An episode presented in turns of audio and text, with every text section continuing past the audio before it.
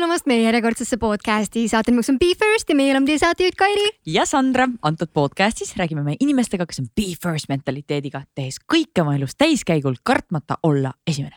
ja podcastis me püüame siis aru saada, kuidas nende kogemusi ja harjumusi oma elus rakendada paremate tulemuste saavutamiseks täna on meil saates külas naine nagu orkester, ta on ema, ta on abikaasa, ta on turundaja. sisulooja. ja suhtekorraldaja mm, ja mida see kõik tähendab, sellest te kuulete kohe nüüd.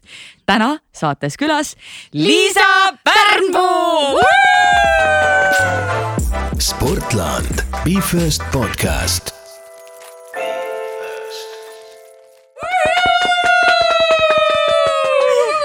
tere, mina võin öelda lõpuks ometi, sest et ma olen ikka hoidnud su tegemistel silma peal ja kogu aeg mõelnud, et vau, et kas see tüdruk on naine, tüdruk, ma vaatan, me kõik oleme tüdrukud. et kas ta on päriselt ka selline, nagu ta on? Ja siis sa tulid siit uksest sisse, mõtlesin, et ongi! Üliäge, nii tore, et sa külla tulid meile. aitäh kutsumast. Mm. -hmm satud tihti linna või oled nüüd juba täitsa maalaps? Ma olen alati tegelikult olnud pigem maalaps, aga äh, jah, praegu satun veel eriti vähe linna. mis tähendab eriti vähe? no tööalaselt pigem püsin kodus, äh, teen kodust oma töö nokitsemised, eks ole, ja kuna meil seal äh, maal on nii mõnus, siis ega ma siia täiega kade väga... on vaadata neid story sid lihtsalt mingi oma värkis-särk, Tallinnas ajad lihtsalt kõnnin mööda tänavaid. Mm jah, see oli, see oli ikka suur unistus, mis, mille poole me siin püüdlesime ja nüüd mitu aastat oleme saanud seda juba vaikselt nautida. aga enne kui me hakkame sellest kõigest rääkima, siis me ikkagi mängime ühe mänguga, nii mm -hmm. nagu meil podcast'is äh, kombeks on. kas sa oled, ma saan aru, et sa oled kuulanud meie episoode, nii et sa tead, mis sind ees ootab. ja ma olen väga ustav, äh, ustav kuulaja. olen valmis nii et oled mõelnud kaasa ka tavaliselt, kui teised vastavad, et mingeid küsimusi, asju või? ja iga kord, ma tavaliselt eh, kuulangi siis, kui ma käin jooksmas ja noh, jooksmas käies mul ongi erinevad tujud, et kas ma kuulan podcast'i või ma kuulan muusikat ja siis, kui ma podcast'i kuulan, siis ma alati mõtlen kaasa, no ikka normaalselt paneb see ajusid ragistama, et, et jumala tihti mul ongi see, et issand et ma ei oska küll sellele küsimusele vastata, ma ei tea, kui närvis nad peavad olema seal praegu aga see on nii äge tehnika, et ise vastata, ma ei ole selle peale niimoodi väga mõelnud. ja kuulajad, võite meile teada anda, kas on veel kedagi, kes äh, praktiseerib seda, et kui me küsime esimeste küsimusi, et siis nad vastavad ise. see oleks päris mhm. huvitav teada. vinge, okei okay,, aga lähme esimeste mängu juurde. Switch it up, sa alustad äkki? aa, okei okay,, davai, rebel, rebel. nii, Liisa, sinu esimene sportlik saavutus mul sai üsna noores eas juba selgeks, et ma ei ole kunagi kindlasti üheski spordialas äh, selline liider. et, äh, et ma proovisin igasuguseid erinevaid spordialasid, ma käisin äh, purjetamas ja mängisin lauatennist ja noh, kõik need äh, koolikehalise tunnid on ju, et ma ei olnud kunagi seal ladvikus omadega, et ähm, et eriti kehvad olid mul veel sellised nagu võistkondlikud spordialad, et sihuke individuaalsport on rohkem nagu minu teema. Ja mul on reaalselt ainult üks sportlik saavutus võib-olla ette rääkida, mis oligi siis sellest ajast, kui ma mängisin lauatennist see spordiala mulle väga meeldis, ma kaheksa aastat käisin selles trennis ja, ja mm, toimusid siis äh, koolinoorte meistrivõistlused Eestis. Wow.. ja minul konkreetselt vedas sellega, et äh, minu koolis oli veel päris, noh, päris mitu sellist kõva lauatennisisti ja neljakesi siis võistlesime ühes tiimis, esindasime oma kooli minu panus oli üsna väike, see oli küll aastal kaks tuhat neli, ma ei mäleta nagu nii täpselt enam, aga me tulime põhikooli arvestuses Eestis esimeseks ja see on mul siiamaani meeles, et see on mu ainuke kõige kõvem spordisaavutus see on päris hea juba see on minu arust jumala raske mäng, mhm. see, see on nagu nii kiire, sa pead keskenduma kogu aeg sada protsenti selle jaoks, et reaalselt need vastu võtta. ahah, aga Pinks on väga äge. Ja... kas sa oskad mängida? ja teate, ma viimane kord mängisin äh, peol potikus või? jaa, potikus täpselt niimoodi ja see oli niimoodi, sa mõtled, sa lähed sinna, seal on nagu nii palju rahvast ja siis mul on veel pingekavad sportlik inimene onju. siis mõtled, oh my god, ma kindlalt panen pange. aga väga hästi tuli välja et sinna tekkis ümber, tekkis mingi fännklubi ja inimesed elasid kaasa ja, ja seal tekkis nagu järjekord, et tõesti nagu pikk järjekord oli, et no väga vinge, nii et soovitan jah, sel suvel ma ise ka seal Potikas sain natuke seda praktiseerida ja, ja ma ei olnud tegelikult ikka aastaid mänginud, et noh, ma lõpetasin mängimise, kui ma olin mingi seitseteist on ju, see on juba neliteist aastat tagasi, eks.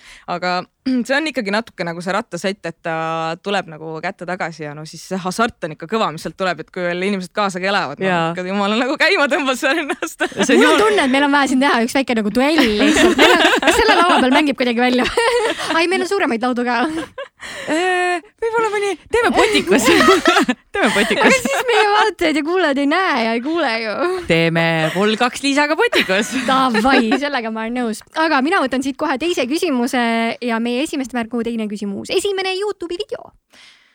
esimene Youtube'i video läks üles ilmselt viis aastat tagasi ja see oli siis, see oli siis, see oli siis filmitud koos minu elukaaslasega ja ega me tollal ei teadnud ju, mida sinna Youtube'i üles riputada ja noh, eks ma siis vaatasin selle järgi, et mis siis välismaised Youtuberid teevad, kes noh, tol ajal, tol ajal ikkagi UK-s ja, ja Ameerikas noh, olid Youtuberid juba väga tegijad ja populaarne oli siis äh, filmida erinevaid äh, väljakutseid ja meil vist oligi siis selline video nimega Boyfriend Tag.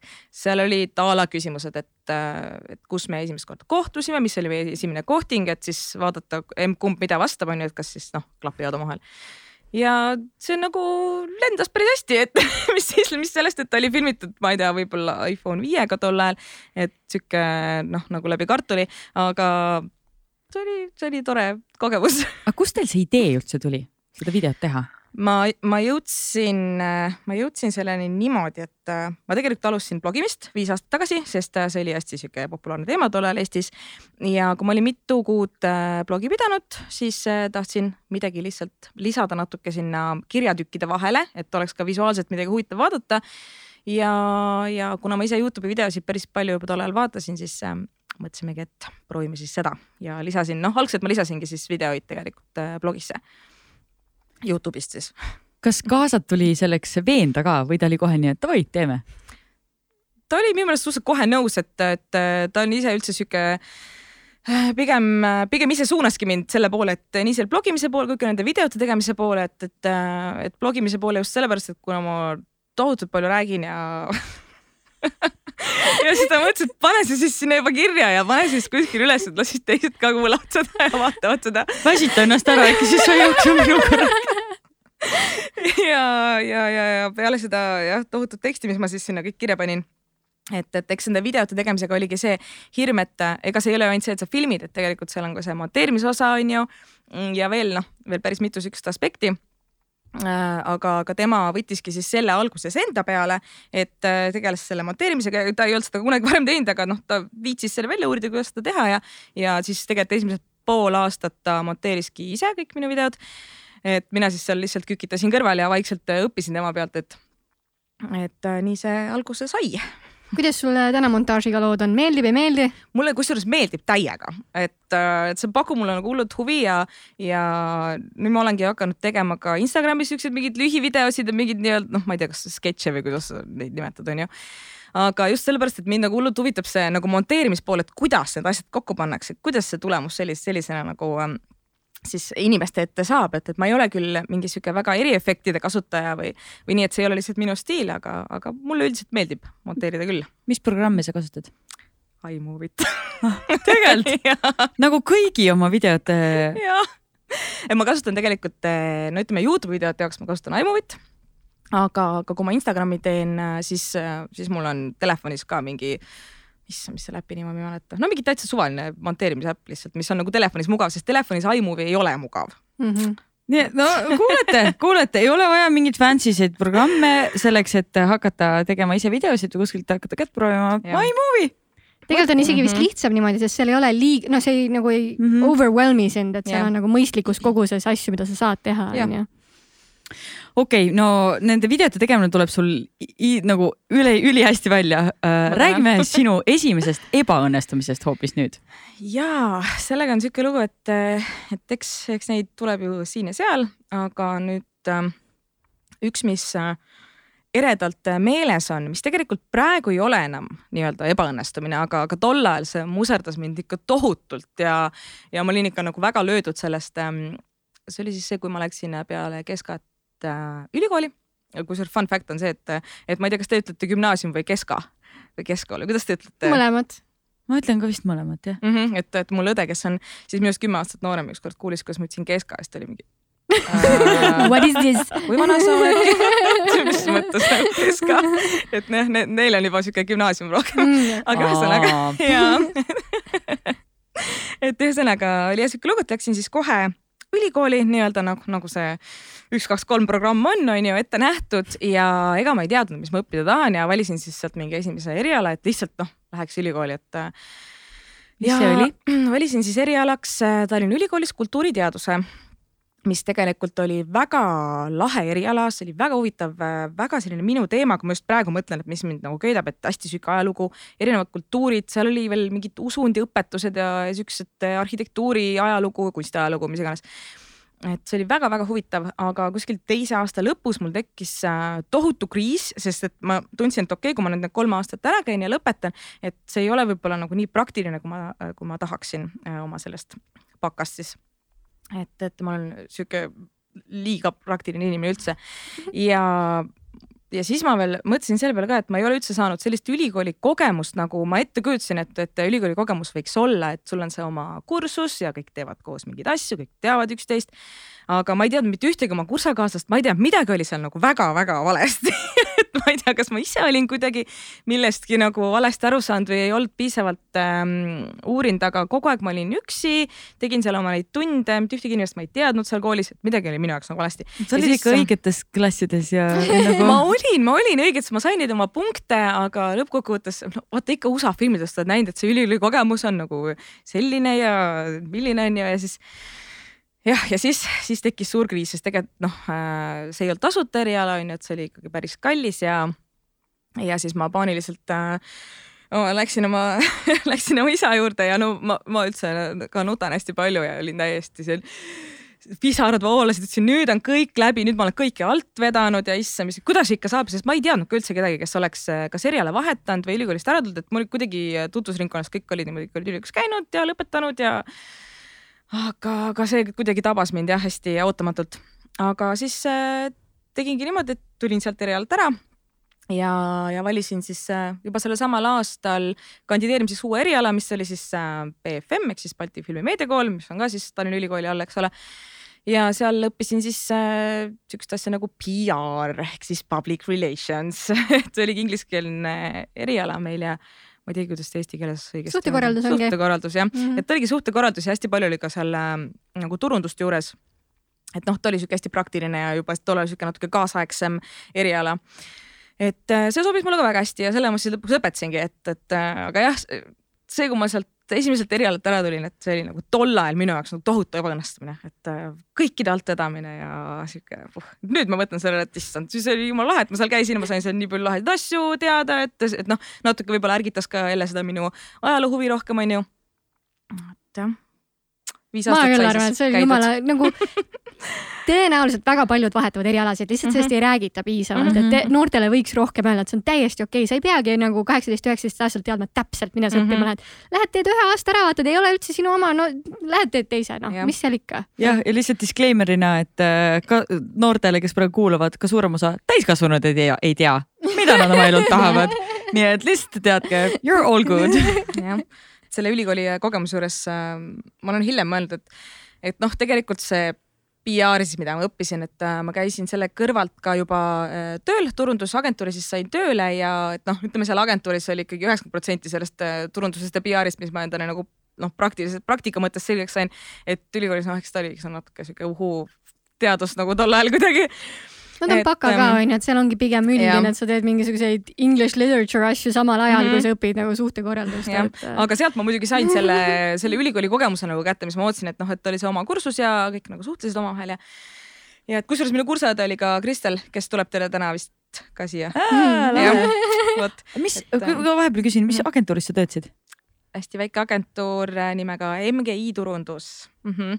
et äh, ma nüüd just tegelikult hiljuti äh, tulingi sealt ära, et ma olin seal päris kaua aga, aga ülikooli mõttes veel, mis ma olen nagu hiljem mõelnud, et mis ma sealt sain, et, et kui ma, ma ei mäleta nagu otseselt, et ma oleks sealt mingit hullut teadmist saanud, onju, aga, aga sealt tuleb nagu see iseseisva õppimise ja üldse siukse kuidagi jah, iseseisva õppimise äh, osa on nagu see, mis sa saad sealt, mis ei ole nagu ütleme seal gümnaasiumis sa ei saa seda niimoodi, et ülikoolis sul ikkagi see, et sa ise tead, kas sa käid oma tundides või sa ei käi ja teed oma kodutööd ära või ei tee, on ju, et et see on nagu see oluline osa, mis tegelikult ülikooliga kaasneb pluss väga ägedad tutvused üldjoontes. noh, nii see on. kellel on, kellel ei ole. arust no, ei, BFM-is on minu arust on ikka väga hea vibe, sest seal on juba sisseristimisel on nagu väga ägedad programm mhm. üldjoontes mm nagu olemas, et ähm.... me kahjuks ei, ei saanud ainult seal uues BFM-i majas olla, et me olime me olime Mustamäe teel mingis vanas haiglahoones. Sütiste tee, see on nagu rets lihtsalt, nagu OG-d teavad nagu.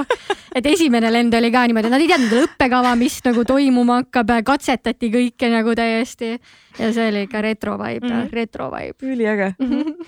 nii, aga mina võtan meie mängu järgmise küsimuse ja kui me ebaõnnestumistest rääkisime, siis võtame midagi positiivsemat. esimene kord, kui tundsid enda üle uhkust hmm.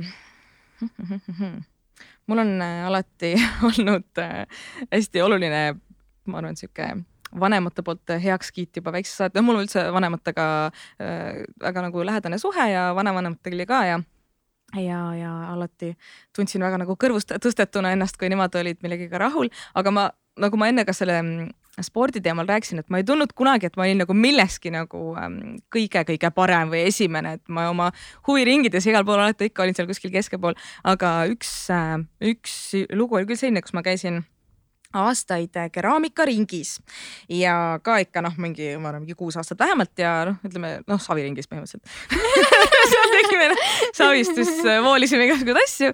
Ja, ja meie siis see saviring valiti välja mingisugusesse vanalinna galeriisse ehk siis kõik meie tööd pandi sinna galeriisse näitusele ja, ja siis tol hetkel ma küll tundsin, et, et noh, ma olin siis, issand, ma arvan, ma olin mingi seitsme-kaheksa aastane ja, ja siis ma olin küll ikka nagu väga uhke, sest et siis tuli sinna ka ETV minu meelest, kes siis tegi seal intervjuusid ja minuga siis tegi intervjuu Tiina Park, kes äh, tol ajal ikka oli nagu teles kõva tegija. ja vot siis ma olin ikka uhke, et appi kui äge. Vot selline lugu siis. Ülilahe. Um, ma mõtlesin mingid ilusad viisi, kuidas siit teha üleminek, aga noh, mis siis ikka. Esimene koostöö. Kiire, konkreetne. Oh,, need on väga ilusad üleminekud. Kuna ma ütleme viis aastat tagasi alustasin selle blogimisega, et noh, tegelikult ju aastaid ei olnud ähm, see koostööde teema Eestis veel üldse teema. äh,, teema jah, et, et see tuli, ma ütleks äh, tõsisemalt mingi kolm aastat tagasi, vähemalt äh, minu jaoks et, et äh, eks ta ikka algas sellest, et mingid ettevõtted siis vaatasid, et ahah, et on sihuke võimalus, et saadaks natuke oma mingit kraami, on ju, ja siis päris head äh, kajastust saab selle eest. ja muidugi, kui need mingid esimesed pakid hakkasid tulema, noh, see oli ju issand jumal, kas ma mõtlesin, kas see on üldse, kas niimoodi käib maailmas, et vau, tasuta asjad, võimalused täitsa lõpp. ma olin ikka nii, nii äh, õnnelik selle üle ja, ja, ja, ja ta ikka, ma arvan, mingi aasta-poolteist vähemalt äh, see käiski niimoodi, et, et ettevõtted saatsidki päris usinalt neid pakke juba ja noh, kõik võtsime, kõik me siis, kes me siis blogisime ja, ja videosid juba tegime, et eks kõik sai ikka vastu võetud äh, suurima heameelega ja, ja kajastatud, et noh see on siis nii-öelda ka sihuke ikkagi väike koostöövorm on ju nii-öelda partnerina. aga kui me mõtleme nüüd esimese sellise koostöö peale, mis oli ka päriselt äh, nagu tasustatud koostöö, et ähm, see oli äh, Äh, tegelikult ka, issand, ka kolm aastat tagasi sügisel, kas ma mõtlen, kas ma olen nende äh, numbrid kuidagi sõidavad peas valesti ringi või aga see oli, äh, see oli ähm, mingi kõnekaart ja täiesti nagu tollal muidugi üldse mitte seotud kuidagi minu mingite huvidega või ma polnud kunagi kõnekaarti kasutanud midagi. aga see, see, see tunne, et sulle kirjutab mingisugune agentuur, kes pakub sulle koodsid ja pakub selle eest veel tasu ja ütleb, et teeme siis selle lepingu onju, siis mõtlesin nagu okei okay, nagu I made it wow. nüüd on olemas kuigi see ei olnud ju ometi kunagi eesmärk, et hakata mingit, mingi, mingite koostööde nimel kirjutada, filmima, siiamaani see ei ole loomulikult.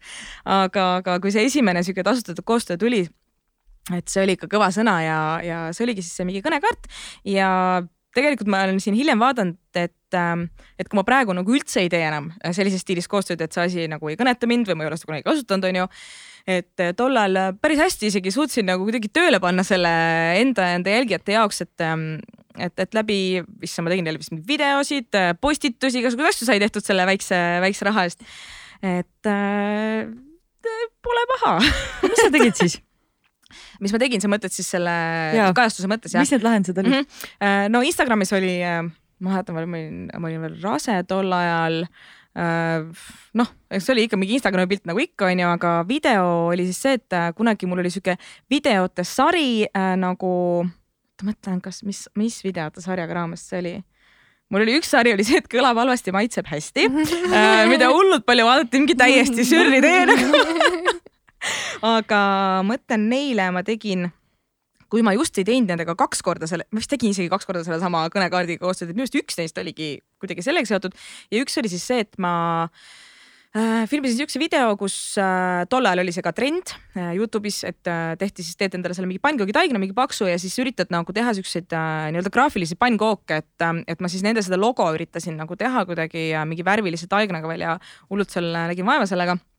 et kuidagi see oli nagu selle ümber üles ehitatud, no täiesti nagu sirva nii äge. ma ei tea, see töötas nagu äh, täitsa, täitsa hästi ja, ja sealt siis äh, jah, sai see esimene tasustatud koostöö tehtud no me räägime nendest koostöödest kindlasti veel, sellepärast et see on nii põnev maailm minu jaoks, ma tahan alati selle kohta rohkem teada. aga meie, meie esimeste mängu viimane küsimus. esimene unistus. esimene unistus. Mul tuleb siin tegelikult kaks asja meelde, mis äh, mõlemad on äh, mu jaoks kuidagi siukse päris äh, märgilise tähtsusega, et, ähm, et esimene sihuke, ütleme lapsepõlve ikkagi lapse unistus oli see, et ähm, ma tahtsin väga endale oma esimest Barbit, ma arvan, ma olin siis äh, äkki viieaastane ja, ja mm, vanematel ei olnud äh, tegelikult mul võimalik äh, siis võimaldada kunagi neid populaarseid mänguasju, mis tollal olid need pilvebaleriin ja Furby, Tamagotši, kõik need onju, et ma nii tohutult tahtsin neid, aga no lihtsalt ei olnud võimalik, onju.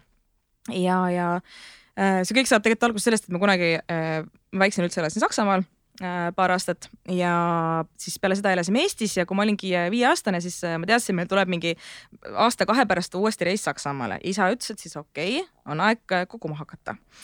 ja hakkasin siis oma sellest miniatuursest taskurahast, mis võib olla mingi viis krooni on ju, ma ei tea, nädalas kuus, kuidas iganes see oli, hakkasin vaikselt koguma ja lõpuks, kui see reis oli siis käes nende aastate pärast, siis vanemad olid siis nõus mulle poole juurde panustama ja siis me sealt Saksamaalt, mis oli noh, muidugi tol ajal Eestist on ju valgus kaugusel ees onju, et et sealt ma siis sain oma esimese äh, Barbi, mis oli äh, Merineitsi Barbi äh, punaste juustega, ta oli see Ariel.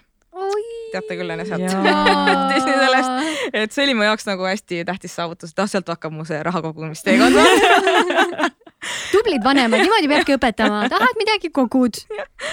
jah, et see oli mu jaoks väga tähtis mänguasi, aga üks unistus veel, mis mul oli mõttes, mis oli mu jaoks väga tähtis, mis oli no ütleme ikkagi palju hiljem tuli, aga ma tahtsin saada äh, ametilt hästi kaua, ma tahtsin arheoloogiks saada tegelikult, sest see maailm nagu nii hullult äh, köitis mind kuidagi, aga no ma muidugi oma enda jaoks vist kujutasin peas ette, et see arheoloogi töö ongi umbes ainult see, et, et keegi jälle avastab midagi ja siis mingi ohoh, võtan oma pintsel, võtan oma haar onju ja siis lähen pintseldan vaikselt neid mingeid luid ja alati leian midagi ja, ja minu peas see nagu oli niimoodi see arheoloogi amet, et see on kindlasti, see on ainult mingi jäämäe tipp onju. Aga samas lapsepõlves sul ongi nagu siuksed lihtsustatud arusaamad asjadest, et äh.... et jah, huvi sellise huvi sellise hu, huvi nagu vana aja ajaloolise vastu on päris, päris noorelt alguse saanud. Väga põnev, sest mina mäletan, esimene Youtube'i video, mida ma sinu poolt vaatasin, oligi mingi, see võiski olla mingi kaks-kolm aastat tagasi. Ja see oli ka mingi ajaloo mm. sa rääkisid nii ilusti neid ümber. Ja ma iga kord kuulasin, mõtlesin, et oi, oi, ma nüüd ma saan sellest palju paremini aru. see käis, ai, ai, ai, väga lahe jah, eks ja teistsugune sisu ka, et ja. ei ole väga palju Youtube ereid, kes teeks nagu siukest asja. jah, eks see on praegu see minu üks põhinišše muidugi Youtube'is on ju, et mhm. mida kõik hullult ootavad, aga mida ma muidugi enam praegu nagu nii palju toota ei suuda et, et, et äh, kui ma neid videosid teen, siis äh, noh, ma tahan, et see temaatika nagu sajaprotsendiliselt kõnetaks mind esmalt, et mul oleks ka huvitav ise seda teemat nagu otsida, et noh, mida rohkem ta mind kõnetab, seda parem see video lihtsalt tuleb, onju et, et seepärast neid tuleb ka praegu harvem, aga just eile nägin ilu mingeid just. et äh, jaa. väga äge. Noored me saime meie esimeste mänguga ühele poole. suurepärane. Mis tähendab seda, et me jätkame tööteemal ja sinuga on tööteemal väga mitmest erinevast asjast rääkida, aga sa juba mainisid, et äh, sa oled hariduselt suhtekorraldust õppinud. Mm. -hmm kas sa räägiksid inimestele, mis asi see üldse on, sest enamus inimesi ei tea, mida see tähendab mida sa siis teed? Ja mida sa peaksid tegema vaid ise teaks kas sa ei teinud niimoodi? kelle siis... suhteid sa korraldad? ma küll sisseastumiseks õppisin sõna-sõnalt pähe selle, et mis asi on suhtekorraldus, ilma ise aru saama. praegu ei mäleta enam, aga ma ei saanud mitte midagi aru, mida see tähendab, aga ma õppisin pähe, et mis on mis aastal sa muidu käisid, millal sisseastumine oli? ma, ma arvan, et ma olin BFM-i üks esimesi lende, ma ei mäleta mm., mis olla võis okay., ma olen nii vana juba, et okay. ma nagu ma mõtlen, kui siis astumine, noh, ta oli kaks tuhat kümme onju. äkki ma olin siis kaks tuhat üheksa? tagasi, no tõesti ei mäleta ma mäletan, mul siuksed äh, natuke nagu närve söövad olukorrad on ilmselt, ma arvan, ma olen nagu peast kustutanud lihtsalt, et et aga see suhtekorraldus, mis sa muidu ise õppisid? Suhtekorraldust. no vot, siis on on see haridustee tehtud ma lihtsalt aga... istun siin niimoodi. kui ise töötad kommunikatsiooniagentuuris, proovi olla nüüd, sa pead väga hästi teadma, mis endast kujutab. tead, ma ütlen sulle täitsa ausalt, et, äh, et see, see kooliaeg äh, on mul nagu nii hägune kuidagi, et, et kuna ma töötasin ise juba tollal turunduse reklaami peal onju seal agentuuris, et siis ikkagi mu põhi nagu aur ja fookus läks selle turunduse peale, et, et kõik need mingid turundus turundusteemalised loengud, mis meil olid, et, et ähm, ma ikkagi nagu neist võtsin selle kõik välja, mis ma, mis mul vaja oli, onju. et jah, see suhtekorraldus äh,, suhtekorralduseks, et et, et seda ma ilmselt otseselt kunagi niimoodi selle nime all tegema ei hakka ise, et, et ma tõesti, et on kuidagi sihuke aga kas teil endal oli juba see ka, et te õppisite kaameras esinema ja, ja rääkima ja nii edasi, et see ja. tegelikult tuleb sulle tänasel karjääril päris ja. palju abiks, onju? see oli väga lahe äh,, väga lahe tund oli just see koht, kus me kaameras õppisime, et, et meie õppejõud oli ju äh, Peeter Tooma, ma ei tea, kas sul oli ka? ma arvan küll, jah. jah, et Peet, Peeter Tooma äh, kuulsaks sai ju tegelikult sellega, et tema laulis äh, Viimses reliikvias seda põhi, põhilaulu mm, -hmm. äh, mis seal, mis see põhilaul oli, ma ei hakka seda siin laulma.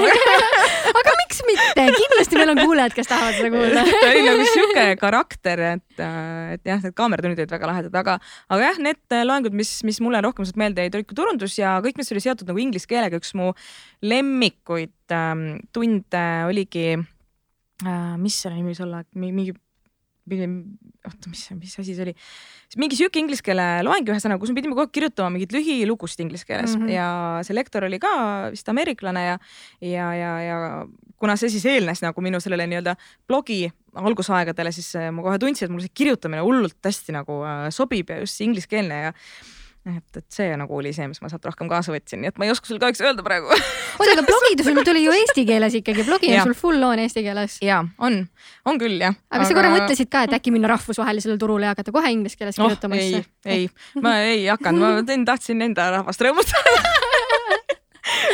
mõtlesin, alustame ikka siit. oma sõbrad ja pere ja vanaema saaks ikka lugeda, mis siin nagu, mis inglise keeles aga praegusel hetkel sa tegelikult, sa ütlesid küll, et sa tulid agentuurist ära, mm. aga sa tegeled siis kuidas selle kohta võib öelda, vabakutselise turundajana, turundad iseennast? ja tead, see on, see on väga hästi öeldud, et mulle viimasel ajal endale on ka väga meeldinud öelda, et ma olen turundaja, et need, need igasugused sildid, mis on siin sotsiaalmeedias meile ju külge pandud, need on ju kõik välja mõeldud mingite, noh, ma ei tea, mis, mis, mis, mis inimeste poolt ja kus kohas, et, et äh, mingi mõjuisik, suunamudija oh,. kas sa ei tunne ennast suunamudijana või? issand, ma jälestan ma ei saa aru, miks kõik seda jälestavad. ma ei saa ka aru, minu arust see on nagu nii suur äh, kompliment. minu arust see on nii nunnu sõna lihtsalt, see sõna ise on mudija. aga tead, tead miks ei meeldi? sisulooja. sisulooja on üks jah, mu lemmikuid tõesti, mulle meeldib nagu lisaks sellele tavalisele sisule, mis ma postitan, mis ka kõik noh inimesed muidu postitavad sotsiaalmeediasse, et ma natukene ka äh, üritan sellist nagu loovat äh, sisu äh, sinna postitada, et seepärast mulle meeldib see sisulooja. aga tead, miks see suunamudija, see mõjuisik äh,, ma arvan just noh ajab närvi neid inimesi, kes sellega tegelevad. sellepärast, et, et, et vähemalt noh, need inimesed, keda mina isiklikult tean, et, et meie eesmärk ei ole ju sotsiaalmeedias ainult mõjutada kogu aeg kedagi, et ma ei taha mõjutada iga asjaga, et ma lihtsalt täpselt samamoodi näitan oma igapäevast elu nagu kõik teised inimesed, et, et, et seal vahel on natuke ka turundust on ju sekka, aga, aga jah. aga see vahe minu arvates ongi, et nagu mina saan olla nagu tavainimene, kuna mm -hmm. ma ei tee koostööd oma sotsiaalmeedias, mis mm -hmm. tähendab, ma jagan, onju, aga niipea, kui sa võtad ikkagi raha vastu selle ja. eest siis bränd eeldab, et sa mudid teatud suunas asju, mis tähendab, et sa juba oled suunamudija, et see nagu vahe tegelikult on, et ta lihtsalt mm -hmm. defineerib su ära sinna kategooriasse, kus sa saad tasu selle eest mm -hmm. ja sa oled nagu võtnud selle vastutuse, et sa mingis suunas nagu inimesi ja. mõjutad. seda muidugi, et, äh, et ma jah, kindlasti väga pooldan seda, et, et ikkagi sa võtad selle vastutuse ja teadvustad endale, et tõesti sa, sa mõjutad nende postitustega, et äh, ma ju ometi jah, saan ise ka sellest aru, et, et muidu ma ei küsiks selle eest raha no täpselt, mina olen nii palju asju ostnud puhtalt inimeste soovituste pealt, kes mhm. ongi mõjuisikud ja suunamudjad, sest ja. esiteks ma usaldan teid, onju, et noh, kui sinusugune ilus tüdruk ütleb mulle, et nagu see on kõige parem jumestuskreem, ma jooksen poodi, onju.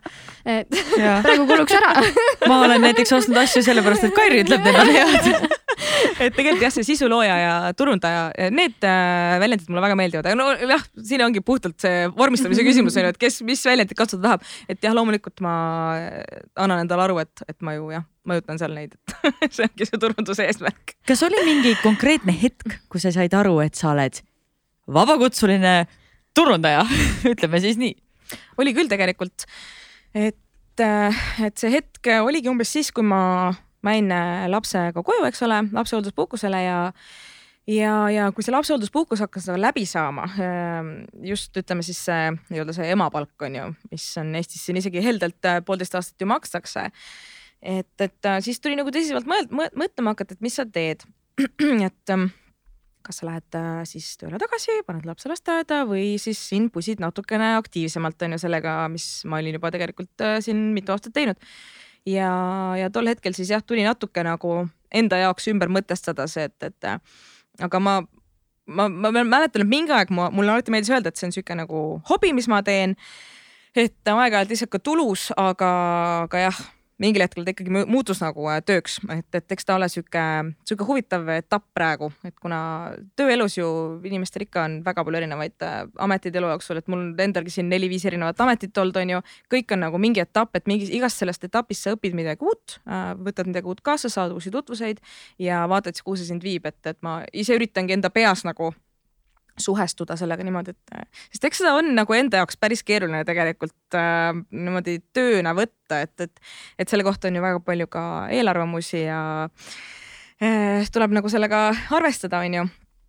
aga, aga kui seda ikkagi tööna teha, siis äh, tuleb enda jaoks selgeks teha, et see ongi töö mida sa teed, jah. aga kas sa oled praegu äh, töövaatenurgast ainult enda kanalis turundad või sa reaalselt teed ka mingitele brändidele, aitad neid äh, nende sotsiaalmeediaga? ma praegu tegelen ainult enda brändiga. aga kui oleks mõni bränd, kes ütleks nagu, et nii, ma tahan, et mul on, mul on nagu Instagram on nii tuksis, ma ei saa mhm. aru, mida ma teen seal, kas sa tuleksid appi?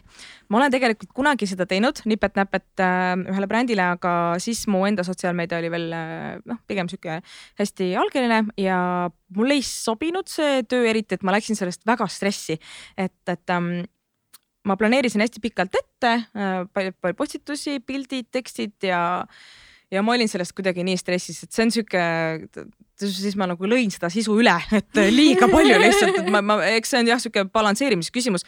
et täpselt samamoodi nagu balansseerimise küsimus just see, et äh, kui palju sa seda turunduse osa tood oma sellesse sisu äh, või sellesse ähm, sotsiaalmeediasse on ju, et, et äh, oleks nagu äh, vastuvõetav nii äh, su jälgijatele kui ka su enda standarditele, et olenevalt, mis need siis standardid on, on ju. et, et äh, ma ei tea, oleneb, oleneb ilmselt väga palju ka sellest äh, brändist, et aeg on sealt ka muidugi palju edasi läinud, kui ma seda tol ajal tegin. et, et eks ma olen sealt äh, väga palju nüüd õppinud juurde, täitsa, täitsa võimalik, ma olen alati selles suhtes äh, pigem jah, hoian silmad-kõrvad lahti, mis kus toimub, kas keegi midagi kuskil pakub, on ju. aga, aga praegu olen jah, ainult selle enda brändi juures siis. aga kuidas sa enda brändis oled selle ära jaotanud, mis sul see osakaal on, kui palju sa koostöid võtad üldse?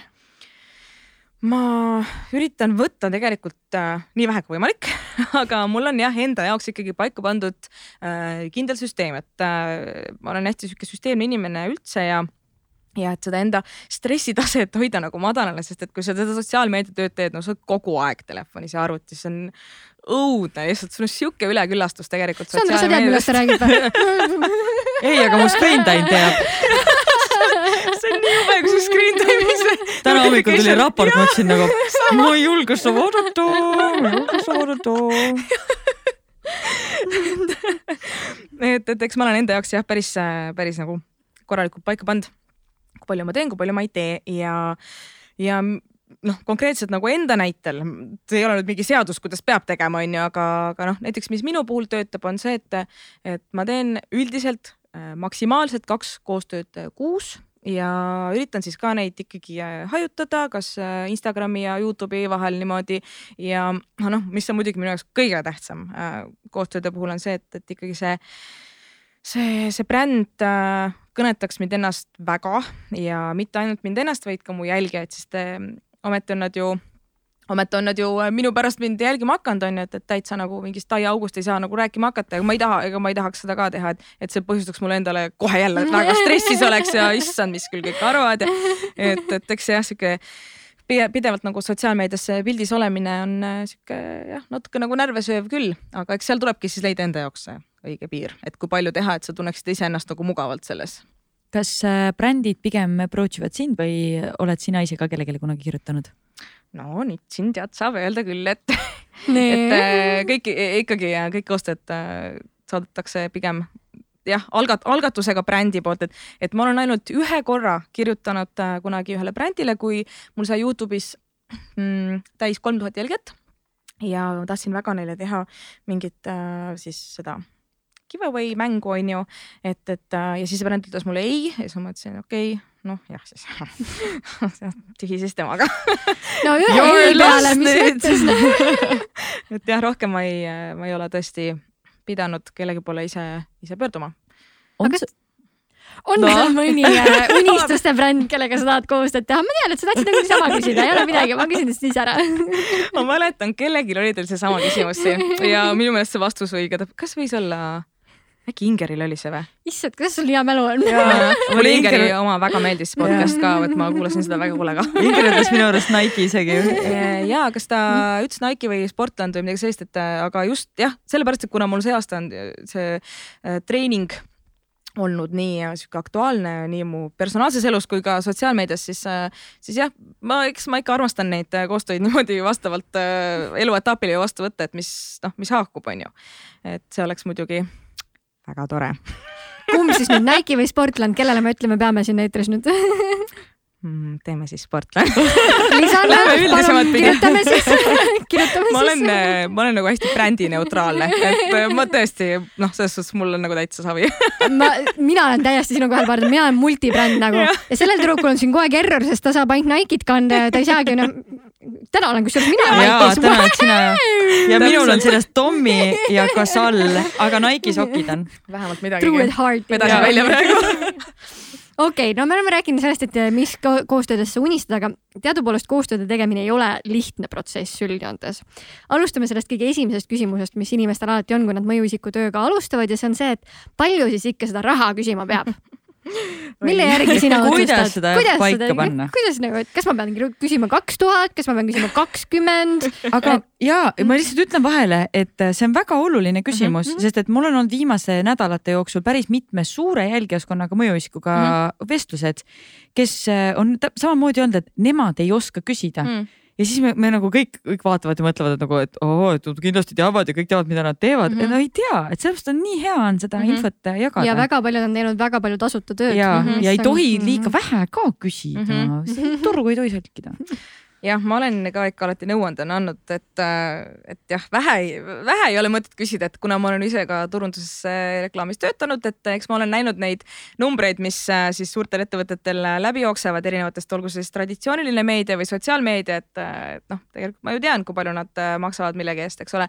aga, aga eks see väga palju oleneb äh, jah, ka su enda brändist, et, et noh, kindlasti üks asi on, et see jälgijate number on ju aga, aga väga tähtis osa on ka sellest, et kuidas sa ise seda või mis sisu sa nagu neile vastu pakud, on ju mm, -hmm. et ähm, mina, ma ise olen äh,, kuigi ma muidu olen sihuke hästi nagu äh, kahtlev inimene, kahtlen kõiges kogu aeg, et äh,, et kas ikka oli õige, kas ikka oleks pidanud, pidanud nii tegema, siis tegelikult ma võin täna öelda, et ma olen päris äh, nagu rahul selle stiiliga, mida ma suudan siis nendele brändidele pakkuda, kes, kes minuga koostööd soovivad teha ja, ja näevad siis mind nii-öelda enda äh, brändi esindajana, et see on alati väga-väga meelitav üldse, kui tegelikult mingi bränd sulle kirjutab ja on nii-öelda äh, sind sotsiaalmeedias tähele pannud ja seda sinu stiili märganud, et, et minule meeldib äh, alati midagi natukene uut teha, olgu see siis äh, pildi, video formaadis, kuidas iganes, et, et äh, see oleks huvitav mulle endale, see oleks huvitav brändile ja see oleks alati ka midagi natukene uut ja teistsugust mu jälgijatele.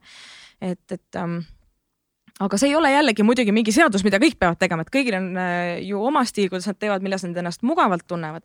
aga need on lihtsalt need asjad, mille järgi mina oma hinna nii-öelda olen siis välja kujundanud, sellest on nii raske rääkida, ma ütlen ausalt, et sellest on kuidagi sihuke ah, et, et avalikult nagu üldse isegi ka mingite noh, mingi uute inimestega tutvuda, tead imelik on nagu öelda küll, et mingi ah, ma siin sotsiaalmeedias teen midagi.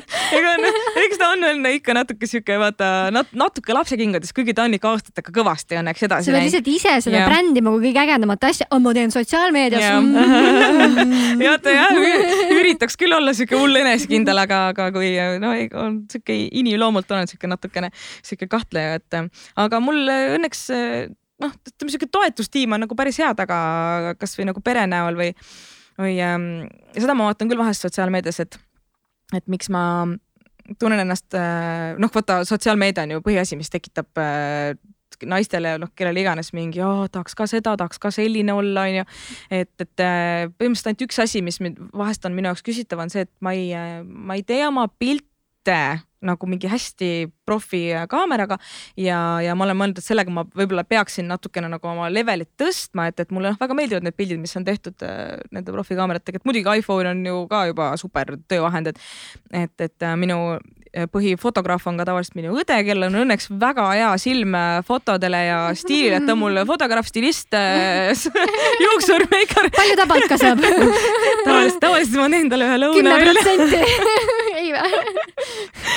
et, et sellepärast ma mõtlengi, et mul see nagu tugigrupp on, on kohe hea nagu omast, omast käest võtta, et see on, see on ka nagu hästi oluline. aga eks, eks peab nagu endale neid loovmõtteid ka nagu jaguma, et, et ma mäletan, kui ma seal turundusagentuuris töötasin, ma alati mõtlesin, et mina ei ole loovinimene, et me töötasime disaineritega ju igapäevaselt koos ja mina olin projektijuht ja, ja töötasin siis nii-öelda numbritega ja, ja suurimate noh, lihtsalt mingid kampaania ideed ja nii edasi, onju aga see loov nagu visuaalne pool oli alati disainerite peal ja, ja ma nii äh, imetlesin neid, et täitsa lõpp, et noh, lihtsalt tuleb peast mingi mõte juba olemas sul seal plostrid, plakatid, mis iganes onju.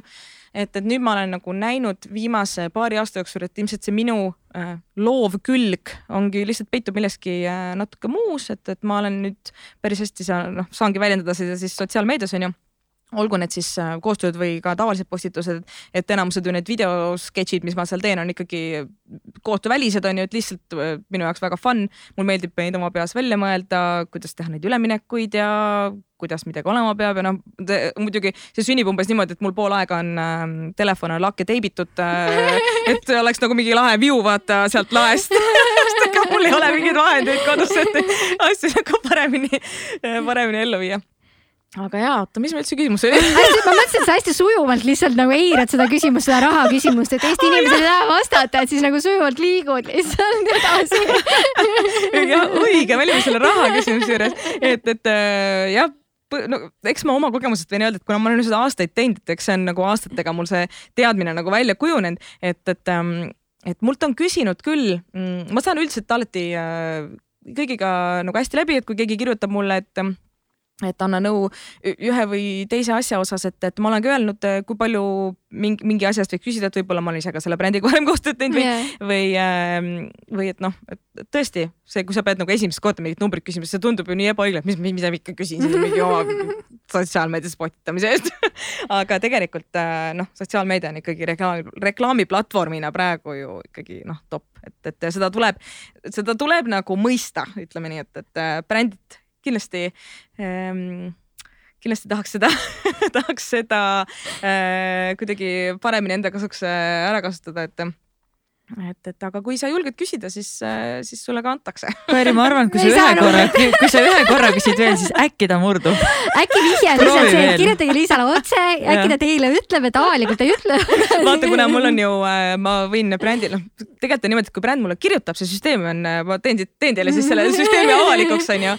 et kui bränd mulle kirjutab, siis esimene asi on see, et ma mõtlen, ma võtan tavaliselt mingi päeva-kaks mõtlemiseks, et kas, kuidas, miks, kellele, kas üldse, onju ja äh, kui tõesti ma näen, et see koostöö ei sobi, ma tänan neid tavaliselt pakkumise eest ja ma, ma ka toon neile põhjenduse, et äh, miks ei sobi, sest see on ka ju nende jaoks tegelikult äh, arendav, et noh, kust nad mm -hmm. muidu saavad teada, et ma ütlen neile lihtsalt ei, siis nad ongi okei okay.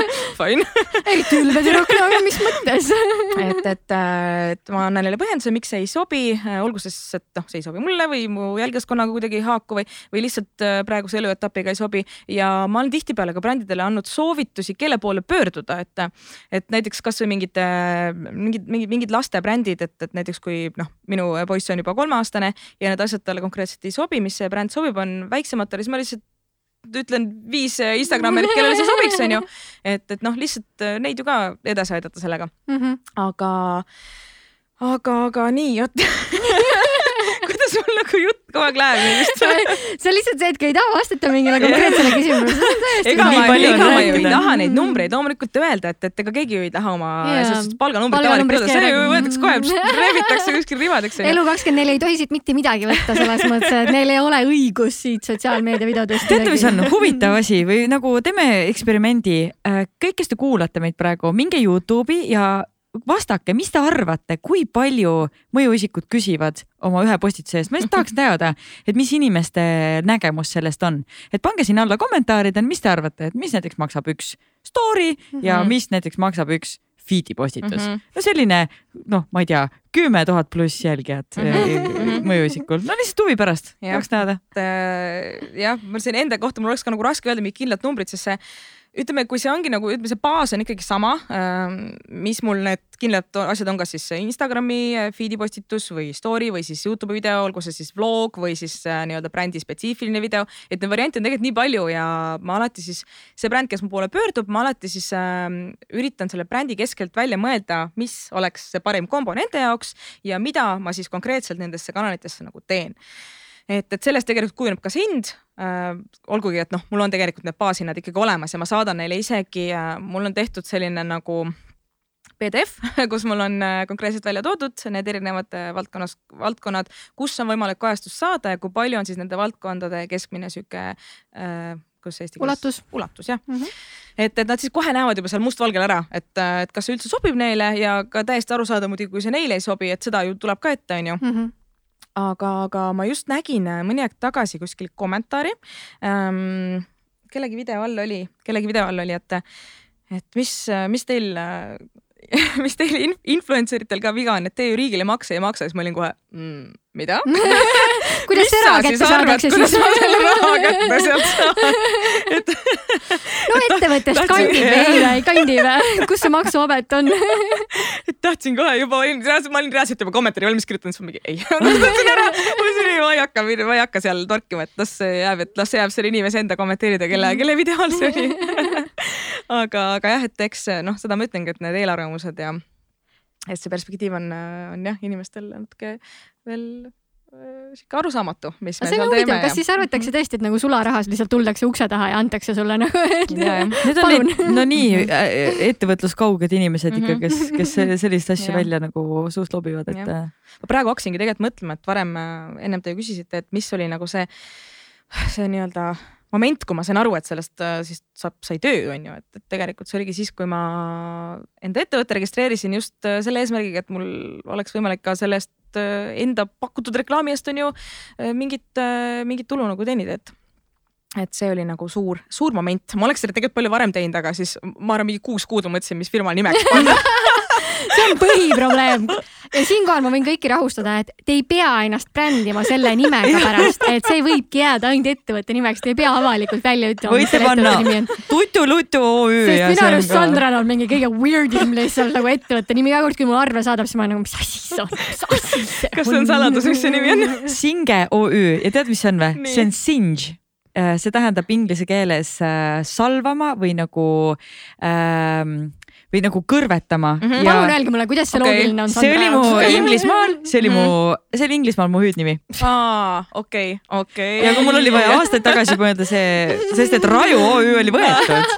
kes see julges? aa, sorry, mu esimene tegelikult ettevõte oli Raju Set. aa, okei, okei, okei. ja siis sealt oli, siis mul oli kiiresti vaja, ma olin mingi, mis on nagu, singe, davai see on tegelikult väga okei okay,, sest et äh, jah, vaata siuksed firma nimed, mis noh, tegelikult võib-olla otseselt ei tähenda midagi või et see on kõige turvalisem, et sa saad kunagi veel midagi muud teha selle alt, kui sa tahad.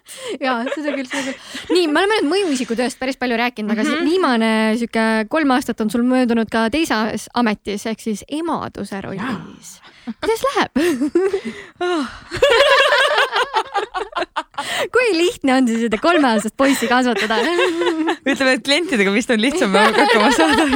kui kapriisne klient on mulle on nii meeldinud äh, kuulata siin neid teie podcast'e, kus on äh, siis äh, isad käinud rääkimas ja ka räägivad kogu oma sellest tööelust ja see on kõik väga huvitav, aga siis kui nad jõuavad selle lapsevanemate teema juurde, siis lihtsalt kuulad ja naerad kaasa, et täpselt sama noh, et ikka kõigil on needsamad need uneprobleemid, väsinud, stress on ju, aga no mis seal salata, see ikkagi see lapse see positiivne pool, et eks ikka nagu kaalub on ju kõik selle üle lõpuks, et eks kõigil on alguses ühtemoodi raske. aga, aga, aga äh, mulle nagu meeldib äh, praegu see, et vanus on juba nii hea, äh, ta on nüüd juba üle kolmeaastane ja see on täiesti inimene juba, täiesti no, kõik räägib, saab aru, ise teeb kõiki asju, onju. et see on nagu tõesti juba super vanus. et ma ütlen ausalt, minu jaoks esimene sihuke pool aastat oli üliraske ja see tuli mu jaoks väga suure üllatusena, sest et mul on peres äh, veel äh, neli, noh, mul neli õde-venda ja kõik on must nooremad mõtlesin, et issand, ma olen laste kasvatamises vana kala ja ma, ma olen hoidnud neid nii palju, et ja siis ma sain ise lapse, siis mõtlesin, ma ei tea mitte midagi, mis tegema peab.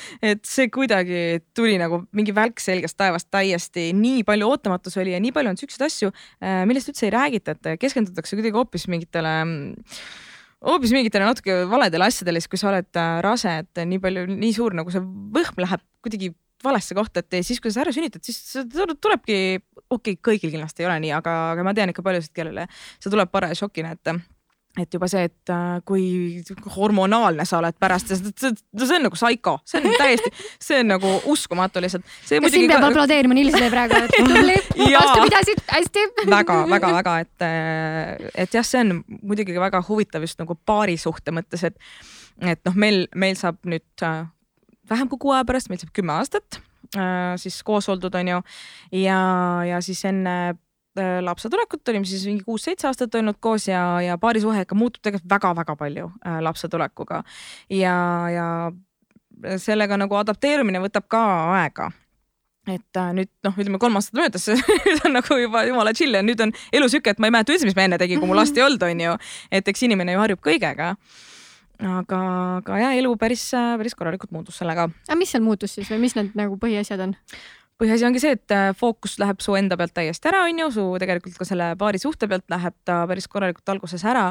ja see ongi nagu harjumatu, kui sa oled harjunud ühtemoodi, siis nüüd sa pead ümber harjuma teistmoodi ja, ja see võib olla ka sihuke äh, noh, sihuke šokeeriv nagu avastus, et, et enam ei olegi, enam ei ole kunagi nii, nagu oli varem, et, et sa ikkagi pead hoopis uue elukorraldusega ümber harjuma, et, et äh, just alguses noh, see magamatus on ju ja noh, emadel on ju siin üldse väga palju äh, Äh, väga palju siukseid uusi asju, mis selle lapse saamisega kaasneb, et äh, alates imetamisest ja millest iganes, ma ei tea, millest siin podcast'is kuulavad kõigest võib rääkida, selles mõttes, et kõik asjad, mis sa tunned, et inimesed võiksid tegelikult teada või rohkem rääkida, sa võid täiesti eetrisse paisata praegu. mis need asjad olid, mida sa ise oleks tahtnud teada ähm,?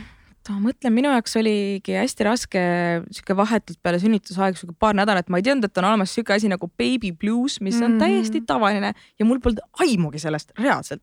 ja see tähendabki siis seda, et see on, see, on nagu vist peale pulmi pidi olema suht samamoodi, et, et sul on olnud see suur elamus, milleks sa oled valmistunud mingi aasta aega, onju, ja siis see on ära ja siis on kõik.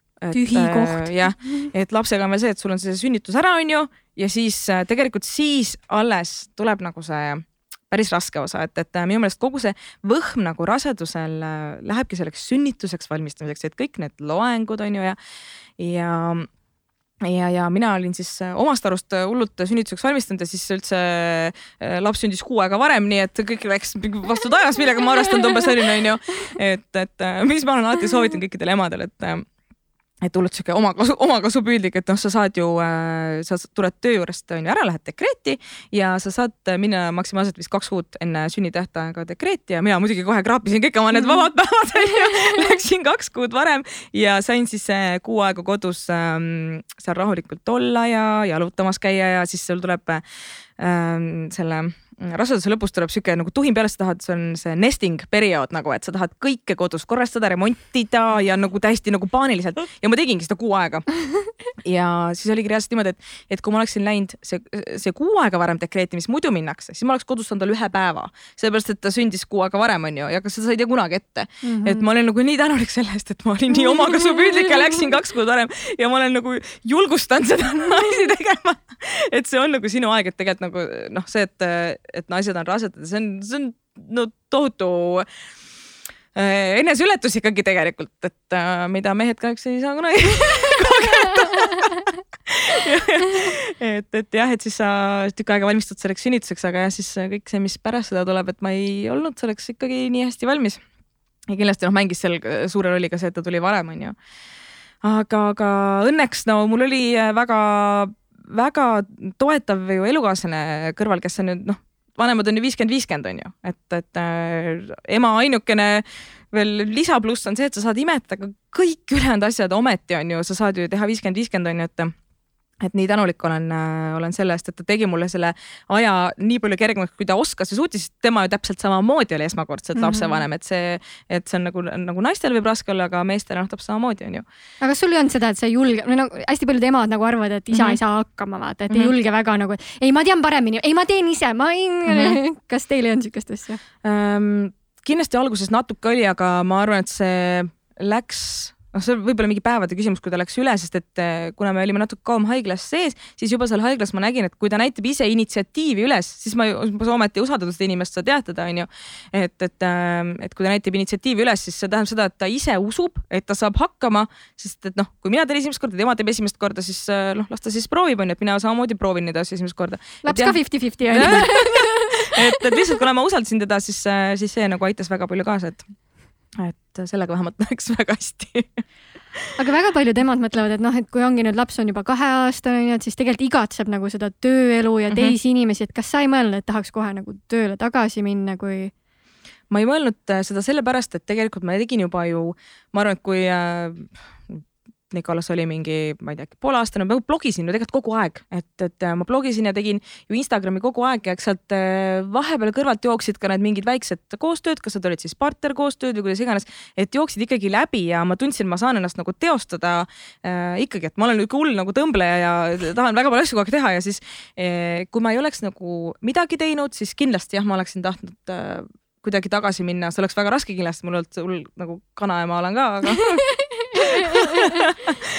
aga, aga see on olnud ikka tõeline õnnistus praegu, et, et ma olen seda saanud niimoodi kodus teha, et eks ma sellepärast olen ka eh, sellega nüüd eh, nii palju tõsisemalt tegelema hakanud, et et ma saaksin seda kodus töötamist nagu jätkata, et, et ma tunnen, et see praeguses etapis sobib mulle nagu ülihästi, et kui ma ikka töötasin kontoris päevast päeva, aastast aastasse, siis äh, väga tihti ikka seal unistasin, vaatasin aknast välja, et oh, tahaks lihtsalt kodus olla ma arvan, et eks see ole nagu väga paljudel kontoriinimestel samamoodi ja, ja nüüd, kui ma olen leidnud selle väljundi, et ma tõesti saan seda kodus teha, siis see on ju, issand see on idea ideaalne. aga kas sa lapse kõrvalt kuidagi üle ei tõmmanud ennast, et ei hakka, juba tegid koostööd ja töötasid mm, -hmm. et niigi see on ju täiskohaga töö nagu lapse kasvatamine, et kuidas mm -hmm. sa mhm. sealt kõrvalt veel jõudsid? kuna see on jah, sihuke oled siuke kokk-kondiiter, keevitaja seal kodus onju, et et ma, ma, ma olen alati tundnud, et ma, ma teen nii palju, kui ma jõuan, aga eks ma olen endale päris palju võtnud alati jah, võtnud palju taldrikule nagu eesti keeles seda ingliskeelset väljendit saab öelda. Et, et aga ma, ma kuidagi päris hästi nagu suudan monitoorida seda, et ma ei tõmba ennast ribadeks, et, et äh, eks ma, eks ma teen ainult seda, mis mulle meeldib, et mm, -hmm. et, äh, et ma, ma, ma tunnen, et mul on ju ometi õigus valida. Tubli tüdruk. Mul on, mul on ju ometi õigus valida, et kui ma nüüd ise olen nii-öelda enda ülemus on ju, et, et see, mis ma teen, et see ka väga meeldiks mulle, et siis ma tunnen, et mul ka see kirg nagu säilib selle vastu ja see viitsimist seda, viitsimine seda teha siukse nagu täie auruga et, et jah, eks kindlasti see oli siis äh, rahulikum, kui äh, laps oli kodus, aga nüüd ta käib ju lasteaias ja, ja see annab mulle ikkagi noh, siuksed äh, suhteliselt terviklikud nagu tööpäevad. see on väga okei okay mu jaoks. ma tuleks, sa tahad küsida? Ei, ma mõtlesin, et kas sa tahad äkki oma lemmikteemale minna? ma tahaks mm -hmm. enne seda, kui ma lähen lemmikteema juurde, ma tahaks küsida selle lapsevanemaks osa, olemise kohta veel. kui ma vaatan oma sõprusringkonnas ringi, siis tegelikult mul tuleb kohe meelde kaks paari kes on fifty-fifty vanemad mm -hmm. ja suurem osal juhtudest on ikkagi see, et äh, naine on rohkem ja mees on vähem mm. -hmm kas sul on, on sul midagi öelda näiteks nendele naistele või mõnedsugust, ma ei tea, mingid õpetussõnad või soovitused, et, et kuidas seda, kuidas seda balanssi parandada ja, ja ma, ma ei, ma ei oska siit küsimusega otse edasi minna, sest ma näen, et see on nii suur mure ja mul on nii kahju mm -hmm. seda kõrvalt näha. nojah, siin on, ma ei taha nüüd ka olla mingisugune õpetaja või ütleja on ju, et. aga jaga oma kogemust lihtsalt. suhted on ju väga erinevad. suhtekorrad aga... aa, seda see tähendabki või aga come on, see on mega oluline, see on mega oluline. Ja minu arust sorry, kõik inimesed võiks minna kooli ja teineteisega kõigepealt õppida, kuidas iseendaga suhelda ja siis õppida, kuidas teineteisega suhelda, aga. ma saan siin tõesti vaid seda enda kogemust eh, on ju välja tuua, et see on ainult aus. Ehm, ja oma kogemusest ma nagu näen seda, et me teeme hästi palju kompromisse, eh, sest me ju tahame, et meil noh, mõlemal oleks nagu hea, et aga see oli ka juba enne nagu sellest nagu paari suhtes oli samamoodi, et, et enne seda, kui see äh, niimoodi laps tuli, on ju lisaks, et, et ikkagi kui sa, sa oled ju paari suhtes, on ju, et sa tahad olla, et mõlemad inimesed oleks õnnelikud, siis äh, noh, meil vähemalt see nõudis seda, et äh, tuleb teha kompromisse ja see, see muidugi väljendub täiesti erinevates asjades, erinevates suhetes, on ju. et meil on näiteks see, et ähm, et meil mõlemal on vaja ka kindlasti sellist äh, oma aega, lisaks sellele, et sul on see pereaeg, sul on see paarisuhteaeg, on ju. aga, aga meile lihtsalt toimib see väga hästi, et, äh, et meil on vaja ka oma aega ja me mõlemad võimaldame seda üksteisele nii palju kui võimalik, et ja mulle meeldib, kui kõik on nagu, äh, kõik on võrdselt nagu oleks siis on aus et, et ähm, hästi hästi teravalt nagu tuli see teemaks, nüüd kui oli see karantiiniaeg äh, kevadel, eks ole, kui me olime kõik kolmekesi kodus, äh, noh kuude viisi on ju nagu enamus inimesi olid kodus, eks mm. -hmm. et, et ähm, siis sealt nagu teha seda tööd, leida seda vaba aega äh,. siis sa oled kogu aeg kolmekesi ninapidi koos, et, et see oli nagu sihuke paras, paras peavalu ja sealt tegelikult äh, mulle tuli ka see jooksmise teema nagu rohkem sisse, et ma tundsin, et see on see, kus ma saan selle oma aja ja loomulikult siis ju äh, elukaaslane on samal ajal lapsega kodus, aga ma käin ka selles suhtes koos lapsega jooksmas, et, et mulle meeldibki äh, hästi palju last äh, kaasata kõike, mida me teeme, et see on üks minu siukseid lapse vanemdamise ähm,. lapse vanemdamine on nii äge sõna wow. et meil kuidagi on jah see jooksnud äh, jonksu niimoodi, et hästi palju kaasa mõelda kõigest, mis me teeme, olgu see siis mingid aktiivsed tegevused või kodus, no mingid igapäevased tegevused, et äh, et nõude pesemine, pesu, kuivama riputamine, mänguasjade kokkupanek, et et kõik, kõike ma suunan teda ise tegema või teeme koos, et ta nagu näeks lihtsalt, mis on sihuke normaalne kodune nagu funktsioon inimestel on ju, et, et, et ei ole see, et äh, üks inimene koristab ja siis teised ei tee midagi. kas me ei olegi koristajad või, ei ole see amet või? et loomulikult seal on neid äh, on neid erandeid, sest ta on ikkagi kolmeaastane onju et kõike ka alati ei tee, aga, aga ma tunnen, et me sellega liigume vähemalt õiges suunas, aga me ju rääkisime siin üldse sellest lapsevanemate jaotusest, äh, sellest rollist on ju, et jah, see on, see on kindlasti väga keeruline teema, sest on ju kuidagi ma ei tea, miks, aga naturaalselt on ju see jaotunud nii, et emal on see või tähendab, naistel on see ema roll ja see koduperenaise roll ja siis, siis on meestel on see töötamise roll, aga naised ju ka ometigi sealt kõige selle kõrvalt teevad tööd, on ju.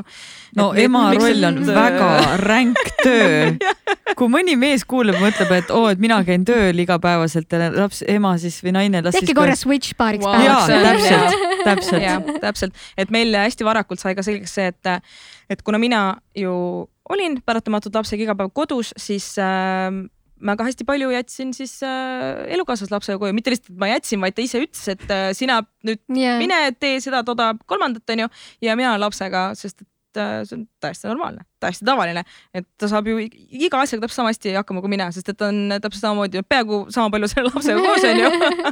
Et tunneb ju seda last täpselt sama palju onju aga kas teil nagu loomulikult jagunes see viiskümmend, viiskümmend või te ikkagi panite paika, et nii, okei okay,, mina teen seda, seda, seda, seda, seda, sina teed seda, seda, seda, seda, seda? ei, täiesti loomulikult, loomulikult. täpselt lihtsalt niimoodi, et, et kui äh, noh, mees on valmis seda initsiatiivi ise võtma, et siis see jagunebki, ma arvan, loomulikult. Mhm. et ma loodaks, et väga paljud äh, mehed nagu on valmis seda initsiatiivi võtma, sest et. ehk siis me ei ütle siin nõuannet naistele, vaid me ütleme meestele, mehed, näidake initsiatiivi mehed, võtke kokku ennast.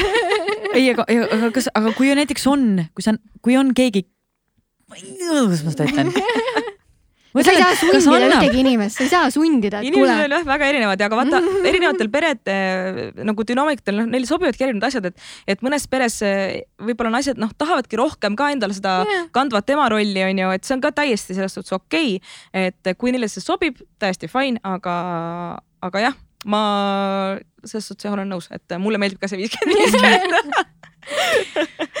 okei ähm, ma oleks tahtnud veel küsida, aga ja ma tean, aga meil on väga põnevate teemade juurde edasi. me lähme edasi keskkonnateema juurde ja. ja sina, nagu me praegu pikalt rääkisime, kasvatad pisikest last. mis sa arvad, mis meil, kuidas sulle tundub praegu meie maailma seis olevat?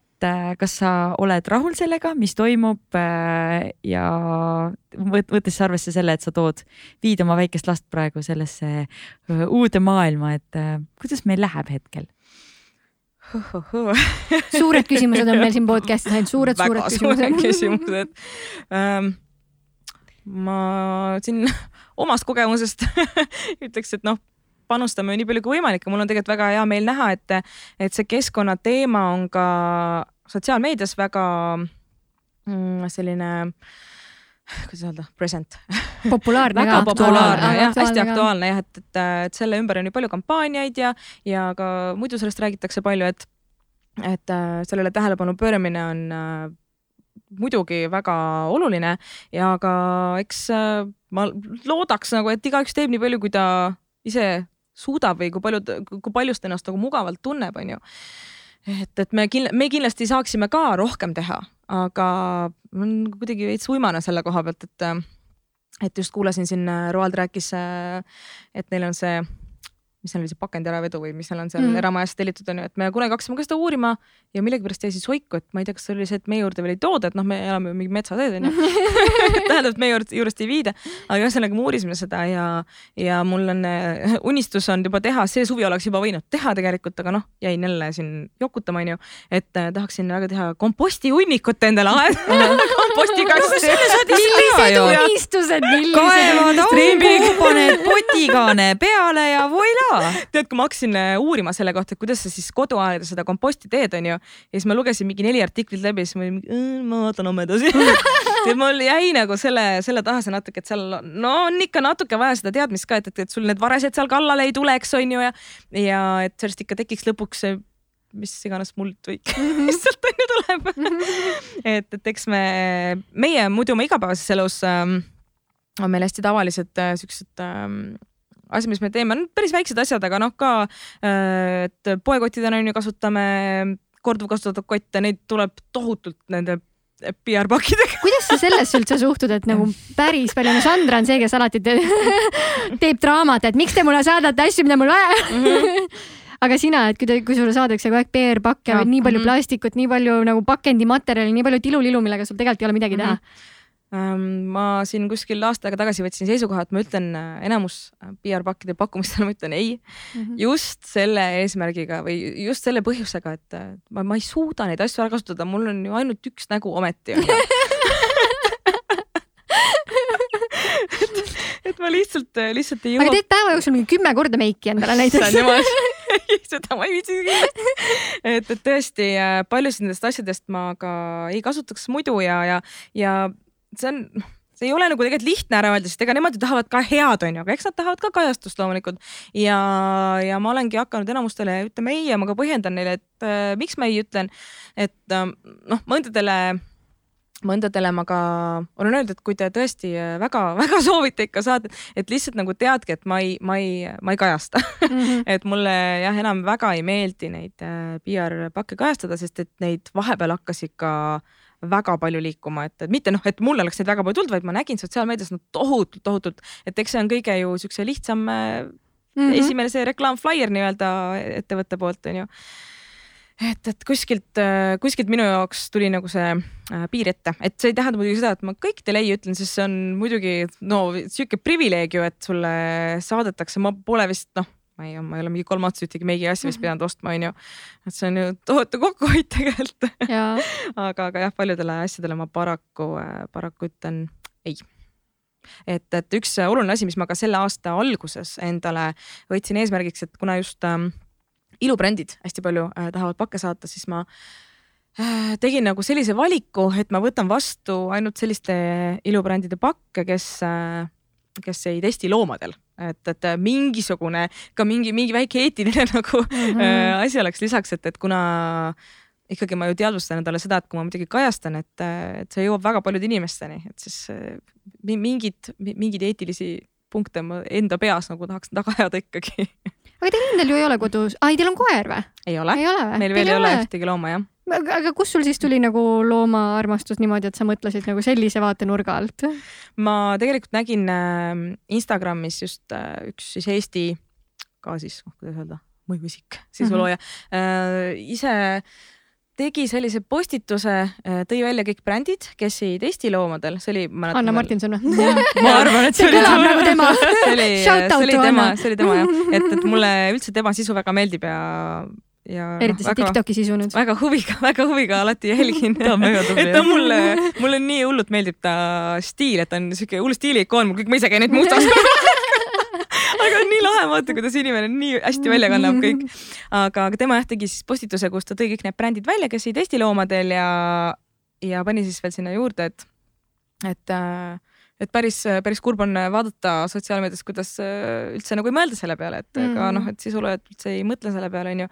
ja siis mul jah, käis nagu mingi plõks ära, et issand, aga ma võin ju mõelda selle peale ometi, et miks yeah., miks ma ei ole selle peale varem mõelnud et, et tõesti, see on väga oluline teema ja see on noh, see on päris jäle ikka, et et jah. et ikka veel tehakse seda mm? -hmm. Mm. Mina tahan, me võtame ja. kaks küsimust siia, kaks küsimust vähemalt siia veel mul on üks asi on lihtsalt see, et, et kui me räägime ühiskonna tervisest üldiselt onju, siis äh, väga suur murekoht tänasel hetkel on see, millega me kõik kolm tegeleme ja see on sotsiaalmeedia mm. -hmm. ehk siis nii nagu me mainisime, screen time'id on kõrged ja eriti noortel ja lastel mm. -hmm kuidas sina sotsiaalmeediasse tänasel hetkel suhtud, arvestades, et sa oled seal ise aktiivne, aga teades, et on väga palju asju, mis on seostatud sotsiaalmeediaga, mis on negatiivne mm, -hmm. ärevus, küberkiusamine, nii edasi, nii mhm. edasi mm. -hmm. kuidas sina sellesse suhtud? mina suhtun sellesse niiviisi, et äh, see sisu, mis ma ise loon nagu äh, teadlikult, näiteks noh, Youtube'i videod, mis on sellised natuke nagu meelelahutuslikumad, et olgu need siis mingid äh, väljakutsed või siis ongi need ajaloolised videod, et, et ma tahangi tuua nendega mm, just niisugust positiivsust ja pigem siukseid uusi teadmisi noortele, sest et et just, just sellepärast, et ma tean, kui palju noored äh, veedavad aega sotsiaalmeedias, ka noh, mul endal on ju nooremad äh, õed ja vennad. Ja, ja ma tahan siis vähemalt enda poolt anda selle, et see sisu, mis seal on, et nad siis tarbiksid midagi äh, mõistlikku või midagi positiivset, et, et äh, jah, seda negatiivset sisu on äh, väga palju ja mul on nii nagu raske vaadata kuidagi, kuidas äh, inimesed nii mõtlematult ähm, tihti postitavad siukseid asju, noh, nad ei, üldse nagu ei anna aru endale, et need asjad jäävad ju internetti ja noh, just siuksed äh,, sihuke noorem generatsioon, et noh, kõik need kommentaarid ja ja, ja selline pool, et, et see on päris, päris õudne, et ma enda poolt üritan sellist väga negatiivset sisu vältida, see muidugi ei tähenda nagu seda, et ma enda elust postitan ainult mingeid positiivseid kilde, et, et ma pigem jah, kaldun sinnapoole, et ma, et, et ma sellist äh, nagu negatiivseid äh, näitan vähem, aga lihtsalt sellepärast, et ka seda enda stressitaset ja privaatsust nagu natukene rohkem hoida ähm,. ja, ja, ja teistele siis selle enda sisuga päeva midagi rõõmsamat tuua, et, et aga sa oled täna viis aastat juba sotsiaalmeedias aktiivne olnud, et äh, kindlasti on sul ka olnud olukordi, kus ei ole ainult positiivne vastukaja mm, -hmm. et kuidas sa negatiivsete kommentaaridega hakkama saad sotsmeedias? Vaata, siin ongi nüüd äh, vahe, et negatiivsel, negatiivsel kommentaaril on tegelikult väga suur vahe, et äh, et, et kui tõesti tuleb, äh, noh, Youtube'is rohkem tuleb sealt tagasisidet, et seal liigub neid kommentaare muidugi rohkem. et on sihukest negatiivset tagasisidet, mis on tõesti selle sisu osas, mis ei meeldi, mis võiks parem olla, et ma üritan, üritan seda ikka kõrva taha panna nii palju, kui ma oskan.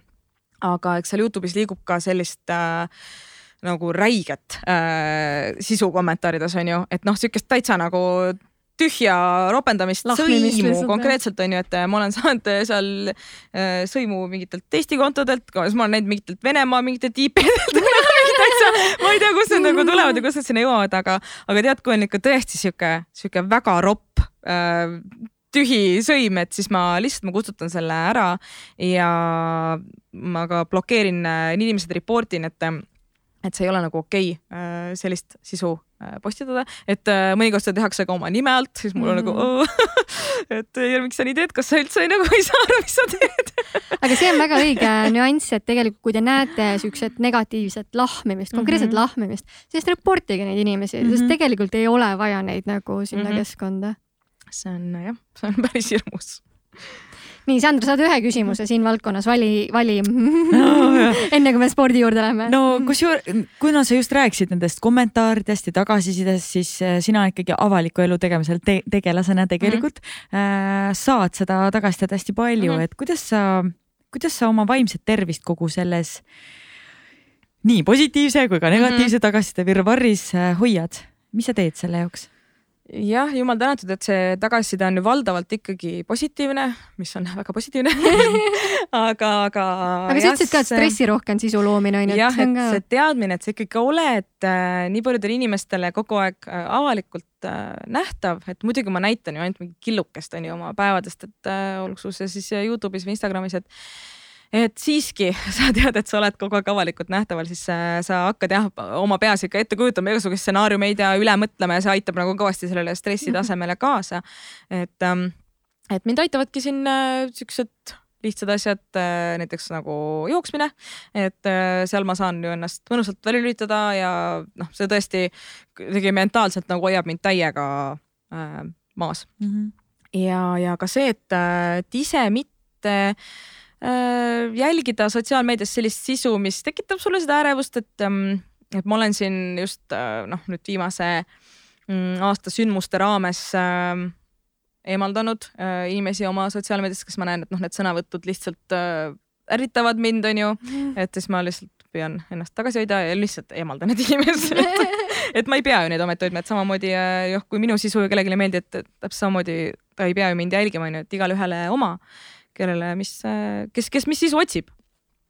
et äh, siuksed, siuksed väiksed nipid, mõtlen, kas midagi võib veel olla mm.. seda ma ei saa nagu kahjuks öelda, et äh, sotsiaalmeediast eemal oleks, sest seda seda ma ei oska, see on nii õudne ma tahaks küll, ma olen mõelnud, et ma peaks tegema mingit, äh, ainuke viis, kuidas ma su nagu suudaks ta võib-olla teha enda jaoks, on see, et ma teen mingi väljakutse mm, -hmm. et mhm. umbes mingi kas kakskümmend neli tundi või siis nädal aega. kakskümmend neli on vähe, kakskümmend neli on vähe. see on vähe, jah et nädal aega sotsiaalmees teemal, siis mul kohe, oh teeks mingi video teeks ikka seda sisu juurde aga see on jumala hea väljakutse, see on nagu, sest siis see, ma kujutan ette, et siis on see hetk ka, kui sa registreerid, kas sa päriselt oled mm -hmm. sõltuvuses või sa arvad, et ja. sa oled sõltuvuses mm. -hmm. sest võib-olla esimesed kaks päeva on imelik, aga samas siis sa oled mm -hmm. nagu, eh, ma ei tea, mul fine on, elu on jumala lill. siis tekib uus kriis, oh my god ma ei tahaks seda teha. mida ma nüüd oma eluga pihta hakkan? siis on see etapp läbi. mida ma oma bossile ütlen hmm sa oled juba päris mitu korda meie podcast'i jooksul maininud äh, jooksmist mm. ehk siis ma saan aru, et äh, see on äh, tänasel hetkel sinu põhispordiala, mis sul endale kuidagi on meeldima hakanud, sest sa, sul ja. ei ole ju alati jooks meeldinud või on? ei ole ma, ma võiks pingsiga mängida, aga seda ei ole kuskil mängida. üksi on veits igav ka vaata. just, et, et selle jooksu need kõige positiivsemad asjad ongi just see, et sa saad seda teha üksi, põhimõtteliselt sul ei ole selleks mingit erivarustust vaja, sul on ainult vaja enda seda teotahet, et lihtsalt tahe püsti ennast ja mine mm. -hmm. ja, ja see, ma olen, noh, eks ma olen tegelikult kümme aastat üritanud seda jooksmist enda jaoks meeldivaks teha, et, äh, et eks ta on ka selles suhtes nagu hea spordiala, et, et kui sul näiteks ei ole võimalik äh, minna näiteks kuskile jõusaali on ju või, või äh, osta endale mingi kukaart, et sa saad jooksmist sa saad teha ükskõik, ükskõik kus, ükskõik mis ajal on ju. et, ähm, et see, see nüüd tuli mulle aktuaalse teemana uuesti nüüd jah, siin karantiini ajal, et äh, lihtsalt, et saada natukene siukest äh, oma, omaette olemise aega ja kuna kuskil, kuskil toas mul üksi ei lastud olla, siis ma pidin õue minema päris hea. Nii et kes tahab, äh, kes tahab leida endasse jooksuarmastust, siis tehke muretsege laps endale. Või minge lihtsalt vanemate juurde elama paariks kuuks, vaadake, kui palju õue tahate minna oota, aga palju sul nüüd tänaseks kilomeetreid on kogunenud, sest sa käid ikka väga-väga jõudsalt siin jooksmas. sellest sai siin jah, mingi aeg tagasi nüüd äh, nagu sihuke väike väljakutse lausa, et mul, mul kõik asjad on nagu väljakutsed, ma nagu elan mingite väljakutsete nimel lihtsalt aga see on äge motivaator nagu. Whatever makes you happy et praegu mul on äh, seitsesada viiskümmend kilomeetrit äh,. mis, mis perioodi peale äh,? selle käesoleva aastaga, et, et Aa, ma hakkasin no,, ma hakkasin tegelikult märtsikuust jooksma, et enne seda ma lasin niisama luuslangi ei teinud midagi eriti et, et eks mul on see kõik käinud niimoodi olen üritanud, tähendab alati leida siis seda spordiala, mis mulle nagu meeldiks, sest ma tahan alati kuidagi füüsiliselt ennast liigutada, sest on ju noh, sotsiaalselt nagu normid on ikkagi see, et sa võiksid ennast natukene liigutada, onju. olla käi, terve inimene. jah, et käi kasvõi jalutamas et, et selle toitumise poole pealt meil on alati suhteliselt okei okay olnud, aga aga, aga ma ei leidnud jah endale nagu seda, seda ala, sest just, just sellepärast, et ma olen sihuke individuaalsportlane, et tahan nagu omaette pusida ja, ja mitte nagu kellelegi liiga palju midagi tõestada, et et sellepärast ta mulle nagu sobib, aga see ei tähenda seda muidugi, et, et kui sa hakkad jooksma, et sul esimesest jooksust on mingi, oh, nii hea jooks, mu lemmik mul nädal aega jääb vahele, mul nagu alustan uuesti nullist, see ei ole üldse nagu mingi rattasõit, et, et oh, lihased jälle soojad, tean küll, mis tegema peab. et see võhk tegelikult kaob nii kähku ära, aga ta tuleb ka kähku tagasi, et, et kui ta nädalaga kaob ära, siis tegelikult tuleb sihuke nädala-kahega tuleb tagasi, et, et, et mulle just meeldib tema juures see, et, et mitte kui, kui äh, pikka maad ma jõuan joosta, vaid, vaid, vaid kui kui mõnus mul seda teha on ja mul ei ole seda nagu varem olnud jooksuga niimoodi, et ma arvan, et miks ta mulle praegu nii hästi sobib, et ma nagu alustasin teda teisel eesmärgil, kui ma olen seda tavaliselt alustanud, et äh, muidu on ju ikka see, et äh, ma ei tea, tahaks hullult kaalust alla võtta ja siis äh, jooksma, davai. Ja siis sa ei jaksa ja see on nii vastik ja mingi veremaitse on suus ja et äh, nüüd ma teen teda kuidagi hoopis teise meelestatusega, et mm, -hmm. et ma mhm. olen äh, Instagramis ka jaganud nagu nippe, et kuna ma niikuinii sellest jooksmisest nii palju jagan, et, et minu eesmärk ongi jagada seda, et, et sa saad seda teha ükskõik mis ilmaga, lihtsalt tõmba omal mingid äh, soojad riided selga, onju, pea sooja, jalad sooja ja see on nii lihtne, et, et kui sa tõesti tahad midagi teha, siis see on kõige lihtsam tegelikult. et sul ei ole ju selleks mingit lisavarustuski vaja, onju, et et ainuke asi, mis sul on vaja, on natuke nagu distsipliini äkki, et üks mu lemmik ähm, ütlusi on, et, et seal, kus lõpeb motivatsioon, algab distsipliin mm. -hmm. ja ma ise tunnen, et üks mu siukseid tugevamaid omadusi ongi see, et ma olen väga, noh, ma suudan olla väga distsiplineeritud, kui ma võtan endale midagi ette, mis ma tahan ära teha. et, et ma küll võin olla sihuke väga kahtlev ja närviline nagu muidu oma elus, aga vot distsipliin on üks asi, mis mul on nagu paigas et sellepärast mulle see, see sobib, jah. aga sa teed äh, teisi trenne ka tegelikult mm? -hmm. sa hiidid päris palju. kuidas sa selle leidsid? selle ma leidsin niimoodi, et, et äh, ma hakkasin käima siis äh, boks, boxing heat'is, heat boxing, ma siiamaani ei tea, kuidas see nimetatakse, aga, aga üks sihuke noh, üks treener, treener, kes seda annab, oli sihuke mulle noh, pooleldi tuttav ja, ja ta on siis äh, ainult nagu puhtalt naiste trenn on ju, et äh, tunned seal nagu väga mugavalt ennast ja ja väga lahe uus väljakutse, et ma tõesti ammu otsisin midagi, mis oleks nagu uus, sest ma käin tegelikult jõusaalis ka. Ähm,. mul on see jõusaalikaart kogu aeg on aktiivne onju, et, et kui on tõesti ikka väga kehv film, siis ma ikkagi lähen jõusaali ja teen midagi seal onju aga sihukest äh, päris nagu mingit oma ägedat äh, trenni polnud tükk aega leidnud peale selle jooksmise. Ja, ja see boks on äh, väga lahe, see on nii äge, juba see, et sul on need roosad boksikindad, see juba annab nii palju juurde. issand noh, kõik need insta pildid, mis sealt aga see on tõesti väga lahe ja ta on hoopis teistmoodi koormusele kehale, et kui sa oled ikkagi, keha ju harjub ära selle ühe koormusega, su lihased ju teavad täpselt, mis, mis nad sealt jooksust on ju saavad. Ähm, ja see boks on noh, tõesti šokeerib neid, et äh, see on nagu hullult lahe aga minul läksid silmad särama, siis kui mina nägin, et sa otsustasid võtta siukse väljakutse nagu äh, rahvatriatlon. ma lootsin, et sa lähed, teed ikka täis, ise kõik distantsid ära, aga sa tegid ainult jooksu seal või? see läks meil jah nii, et me hästi viimasel hetkel äh, üldse tuli see otsus ja kuna mul polnud endal ratast mm, -hmm. mul ei ole ratast, ma tahaks järgmine suvi tegelikult, et meil oleks, sest kuna me elame maal, siis oleks, no see oleks super, kui saaks rattaga ka sõita. ja ma pole üldse vist rattaga sõitnud kümme aastat vähemalt ja mul on äh, ujumine ka alati väga kehv olnud. Siis ma mõtlesin, et okei okay,, kuskilt vähemalt tuleb algust teha, et, et kui keegi on minuga nõus seda vähemalt kolme peale tegema, siis alustame kolme peale, et jah, et jah, see rahvatriatloni jooksudistants oli muidugi väga lühike, see on ainult neli kilomeetrit mm, -hmm. onju, aga ikkagi ta andis selle mingi väikse adreka sealt, et, et seal on see võistluselement nagu juures. Et ma hullult tänulik olen oma väiksele õele ja oma parimale sõbrannale, kes minuga olid nõus umbes päevapealt seda tulema kaasa tegema, sest et neil oli nagu kogemus nendes mõlemas teises spordialas olemas et, et. aga kas ei tekkinud väikest mõtet, et äkki ise minna teha üks päev kõik läbi? ja ma mõtlesingi, et järgmine aasta ma kindlasti tahaks ise teha selle kõik läbi, aga just ikka siis selle lühikese, kuigi ma käisin ju see aasta veel selle, seal päris Ironmani finišis olin ka onju mm., täitsa lõpp see emotsioon, mis seal poleks elu sees uskunud no,. see on nii epiline. oota, kas te kumbki teist on? me oleme poolikut teinud, aga yeah. me ei ole täispikka teinud kumbki. täitsa lõpp, me, me seisime seal ja kõik, kes finišeerisid, ma lihtsalt nutsin, plaksutasin, mul oli nii hea meel, täiesti võõrad inimesed onju. oh my god, sest ma nägin nagu see emotsioon, mis nemad sealt saavad, et nad on nii pikalt selleks treeninud ja nüüd nad tegid selle ära, mul oli nii hea meel enda pärast lihtsalt, et, et see, see see saavutus seal oli nagu näha, see kiirgas neist kõigist ja üldse see ülesehitus ka kõik seal oli nii sihuke, sihuke hyped ja sihuke hullult äge, et, et ma ei olnud kunagi äh,, kunagi sellega varem kokku puutunud niimoodi ja siis, siis oli esimene mõte muidugi nii, järgmine aasta siis Ironmani no nii, kas võiks, kas võiks olla huvi?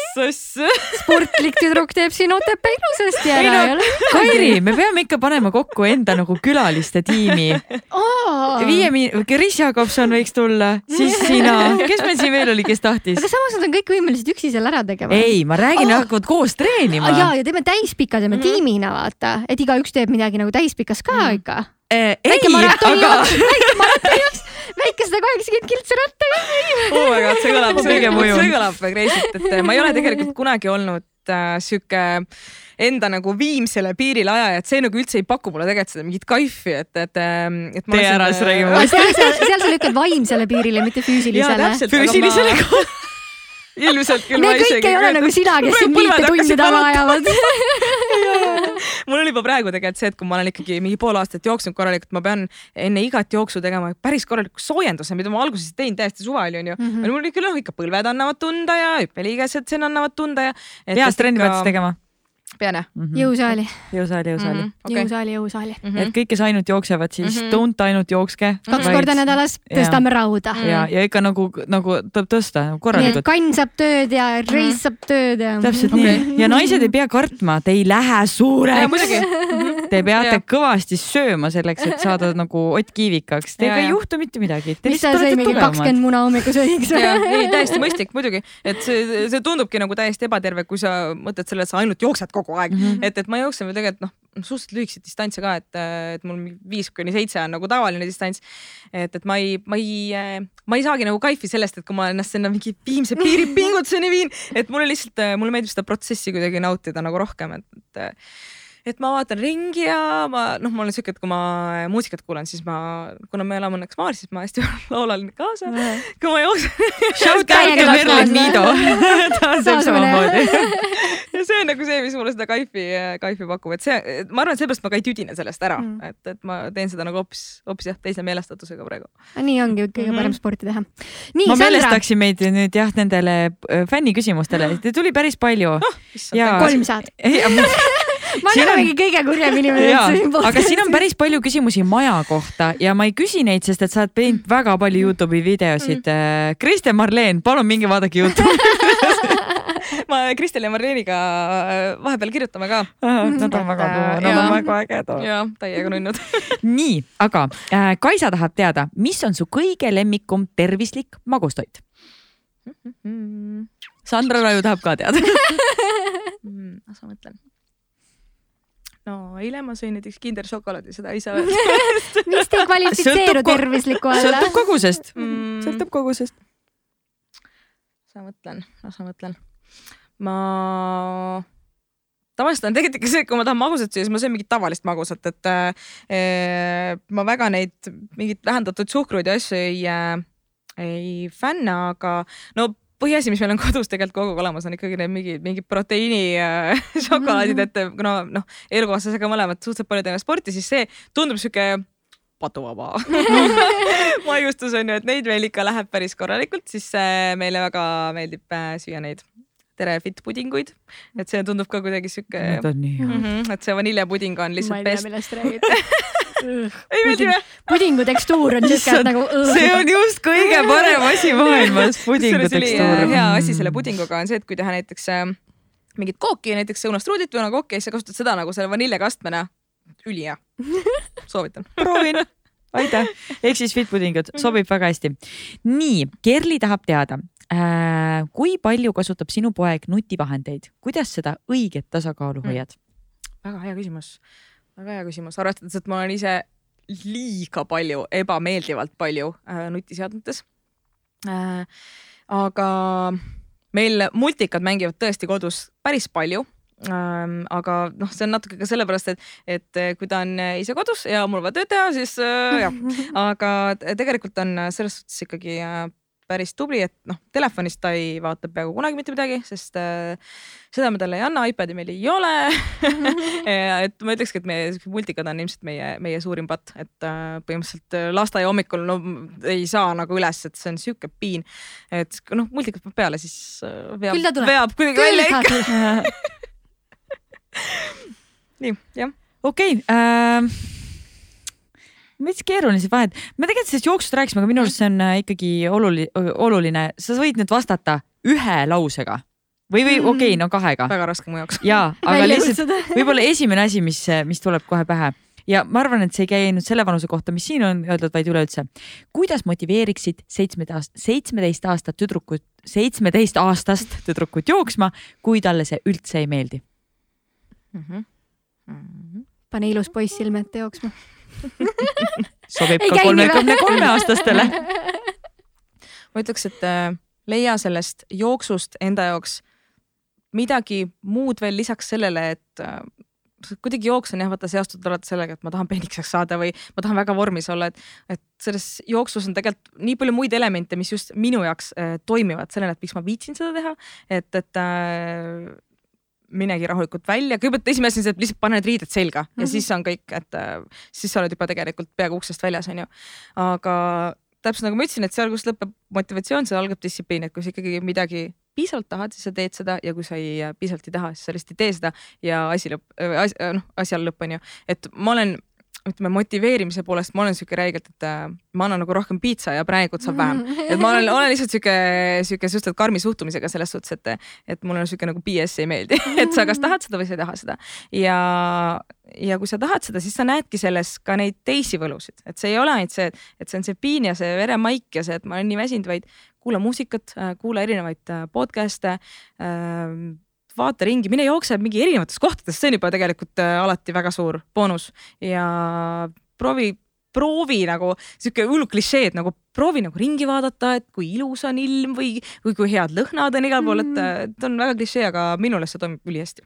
ma siinkohal igaks juhuks pean mainima, et palun ärge jookske veremaik suus. ma jaa, tahtsin seda öelda. see tähendab, et te olete väga kaugel sellest nauditavast piirist, et algul jalutage ja, ja kõndige ja. natukene ja mhm. siis mm -hmm. hakake kergelt sörkima. Ja... mulle väga meeldis, mhm. mis sa ütlesid, et sa jooksedki viis kuni seitse kilomeetrit mm -hmm. ja see on fine mm. -hmm. see, et keegi teine jookseb kakskümmend, las ta jookseb mm, -hmm. see on väga tore, las ta jookseb ja kolm kilomeetrit võib olla ka sul veri, veremaik suus, kui sa paned ja. mingi full on speed nagu sa ei lähe esimene mhm. kord kohe mm. -hmm. rahulik tempo. kütet mm. -hmm. ma ja. ise alustasin üldse näiteks niimoodi, et äh, ma teadsin, et, äh, et ma ei jõua nagu pikka maad järjest joosta, ma tegin viissada meetrit kõndisin, viissada meetrit jooksin ja. ja niimoodi selline see numbrisüsteem nagu töötas mulle suhteliselt hästi, et, et äh, siis ikkagi vahepeal see noh, pulss läheb jõhkralt üles, sest sa ei tea oma seda tempot alguses on ju, et kohe paned seal täiega ajama, et siis vahepeal puhata on nagu täiesti okei okay. mm. -hmm täiesti. nii õige mm, -hmm. enda jaoks teeme just mm. -hmm nii, meie Viimased... podcast'i viimane segment ehk siis soovituste nurgakene ja, ja mina alustan siinkohal kohe üks asi, mida iga inimene võiks õppida. üks asi, mida inim-, iga inimene võiks õppida. ma tahaks mõelda, et äh, see on õpitav, aga mm, ma tahaks, et inimesed äh, rohkem usuksid endasse mm, ja seeläbi ka äh, teeksid ehk asju, mis on rohkem nende mugavustsoonist väljaspool, et, et see endasse uskumine minu meelest annab nagu selle tõuke, et sa julged asju teha, sa julged asju proovida ja ainult seeläbi sa leiad endale need eluvaldkonnad või mis iganes hobid, tegevused, mis sul meeldida võivad, mis sa varem ei teadnud, on ju, et, et üldse sind kõneta, kõnetada võivad, et ma lihtsalt tahaks, et inimesed kuidagi õpiks nagu endasse rohkem uskuma, et, et sa suudad sa do it see on väga õige asi. võtame selle kuulda. järgmine soovitus, üks asi, mida iga inimene võiks proovida. Hmm.. Fit pudding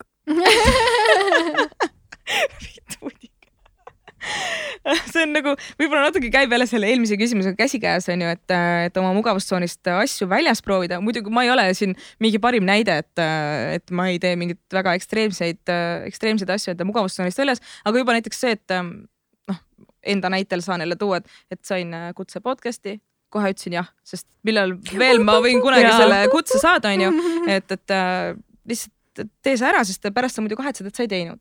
et, et um, üks asi mida ma väga tahaksin, et igal inimesel oleks võimalus äh, elu jooksul teha, ähm, on see, et kui sa näiteks lähed puhkusele, on ju, siis äh, tavaline puhkus, puhkus inim, inimeste jaoks minu arust võrdub alati äh, sihuke soojamaa puhkus, rand, mõnus soe, aga mina tahaksin, et kõik käiksid ära kunagi mäereisil. et see on minu jaoks on minu elus olnud alati nii siuksel olulisel kohal, see on hoopis teine emotsioon puhkusest, mis sa saad, kui sa käid äh, kuskil soojamaa reisil, et, et see, kui sa oled ikkagi seal seal äh, kõrged mägedes, jõuad selle kondliga sinna üles ja paned oma suusad alla ja siis sa lihtsalt vaatad ringi ja mul praegu tõmbab nagu silmad vesiseks, sest see on, see on nii uskumatu lihtsalt, mis sa seal näed ja kui sa äh, tuled alla, on ju, et äh, see on, see on, see on midagi, see on midagi muud. See on midagi täiesti muud ja ma nii soovin, et kõigil oleks võimalus seda elu jooksul kogeda loodame, et kunagi väga... on piirid lahti seda ka, selle ma unustasin täiesti ära proovime hoida need piirid lahti. nii, aga meie kõige viimane küsimus slaš soovitus mm., üks teos, mida soovitaksid inimestel äh, tarbida, olgu mm -hmm. see siis film, podcast, raamat mm? -hmm. mina soovitaksin hoopis ühte etendust nii mulle väga äh, teater meeldib, meil peres on, peres äh, vanaisa, mul oli ähm, näitleja ja sellepärast oleme ka väga sellises teatrivaimus äh, kasvanud kõik. Ja Linnateatris oli selline etendus, mida ma olen ise vist kolm korda käinud vaatamas ja minu meelest see on mängukavast maha võetud. Aga ma üldse ei imesta, kui see tuleb tagasi, sest see oli üks nende populaarsemaid etendusi ja selle nimi oli Ajujaht, kaks sõna, Ajujaht. seal oli Indrek Õeri oli äh, peaosas ja see oli nagu nii hea tükk, et äh, see on nagu sihuke triller, aga siukse räige pondiga lõpus, et see nagu kõditab su närvi nagu terve aja. Ja siis sa oled seal äh,, see minu arust, kuidas sa saad nagu filmis või kuidas sa saad teatris nagu selle trilleri, kuidas sulle edasi antakse, see on nagu nii äh, erinev, et seal sa tõesti, sa oled ise selles tegevuses nagu täiega ka sees, onju ja, ja minu meelest sellest on tegelikult raamat ka, et äh, kui, kui seda, kui seda enam teatris vaadata ei saa, et äh, äkki ta oli äh, Mind Games või, aga see raamat on muidugi kirjutatud nii-öelda lavastuse vormis, et, et ta ei ole tavaline romaan või juturaamat onju. aga jah, see süžee nagu hullult meeldib, meeldib mulle, et seda ma soovitaks kõigile. Väga lahe mm. -hmm aitäh, Liisa, et sa meile külla tulid oh,. Nagu... jumala no tegelikult oleks võinud veel väga paljudest asjadest rääkida, aga, aga Vol kaks seal, kus me pidimegi seda tegema? potikus. jaa, potikus. okei, ja õige aitäh, kuulajad ja vaatajad, et olite taas kord meiega ja järgmise podcastini. tšau.. Sportland, Be First podcast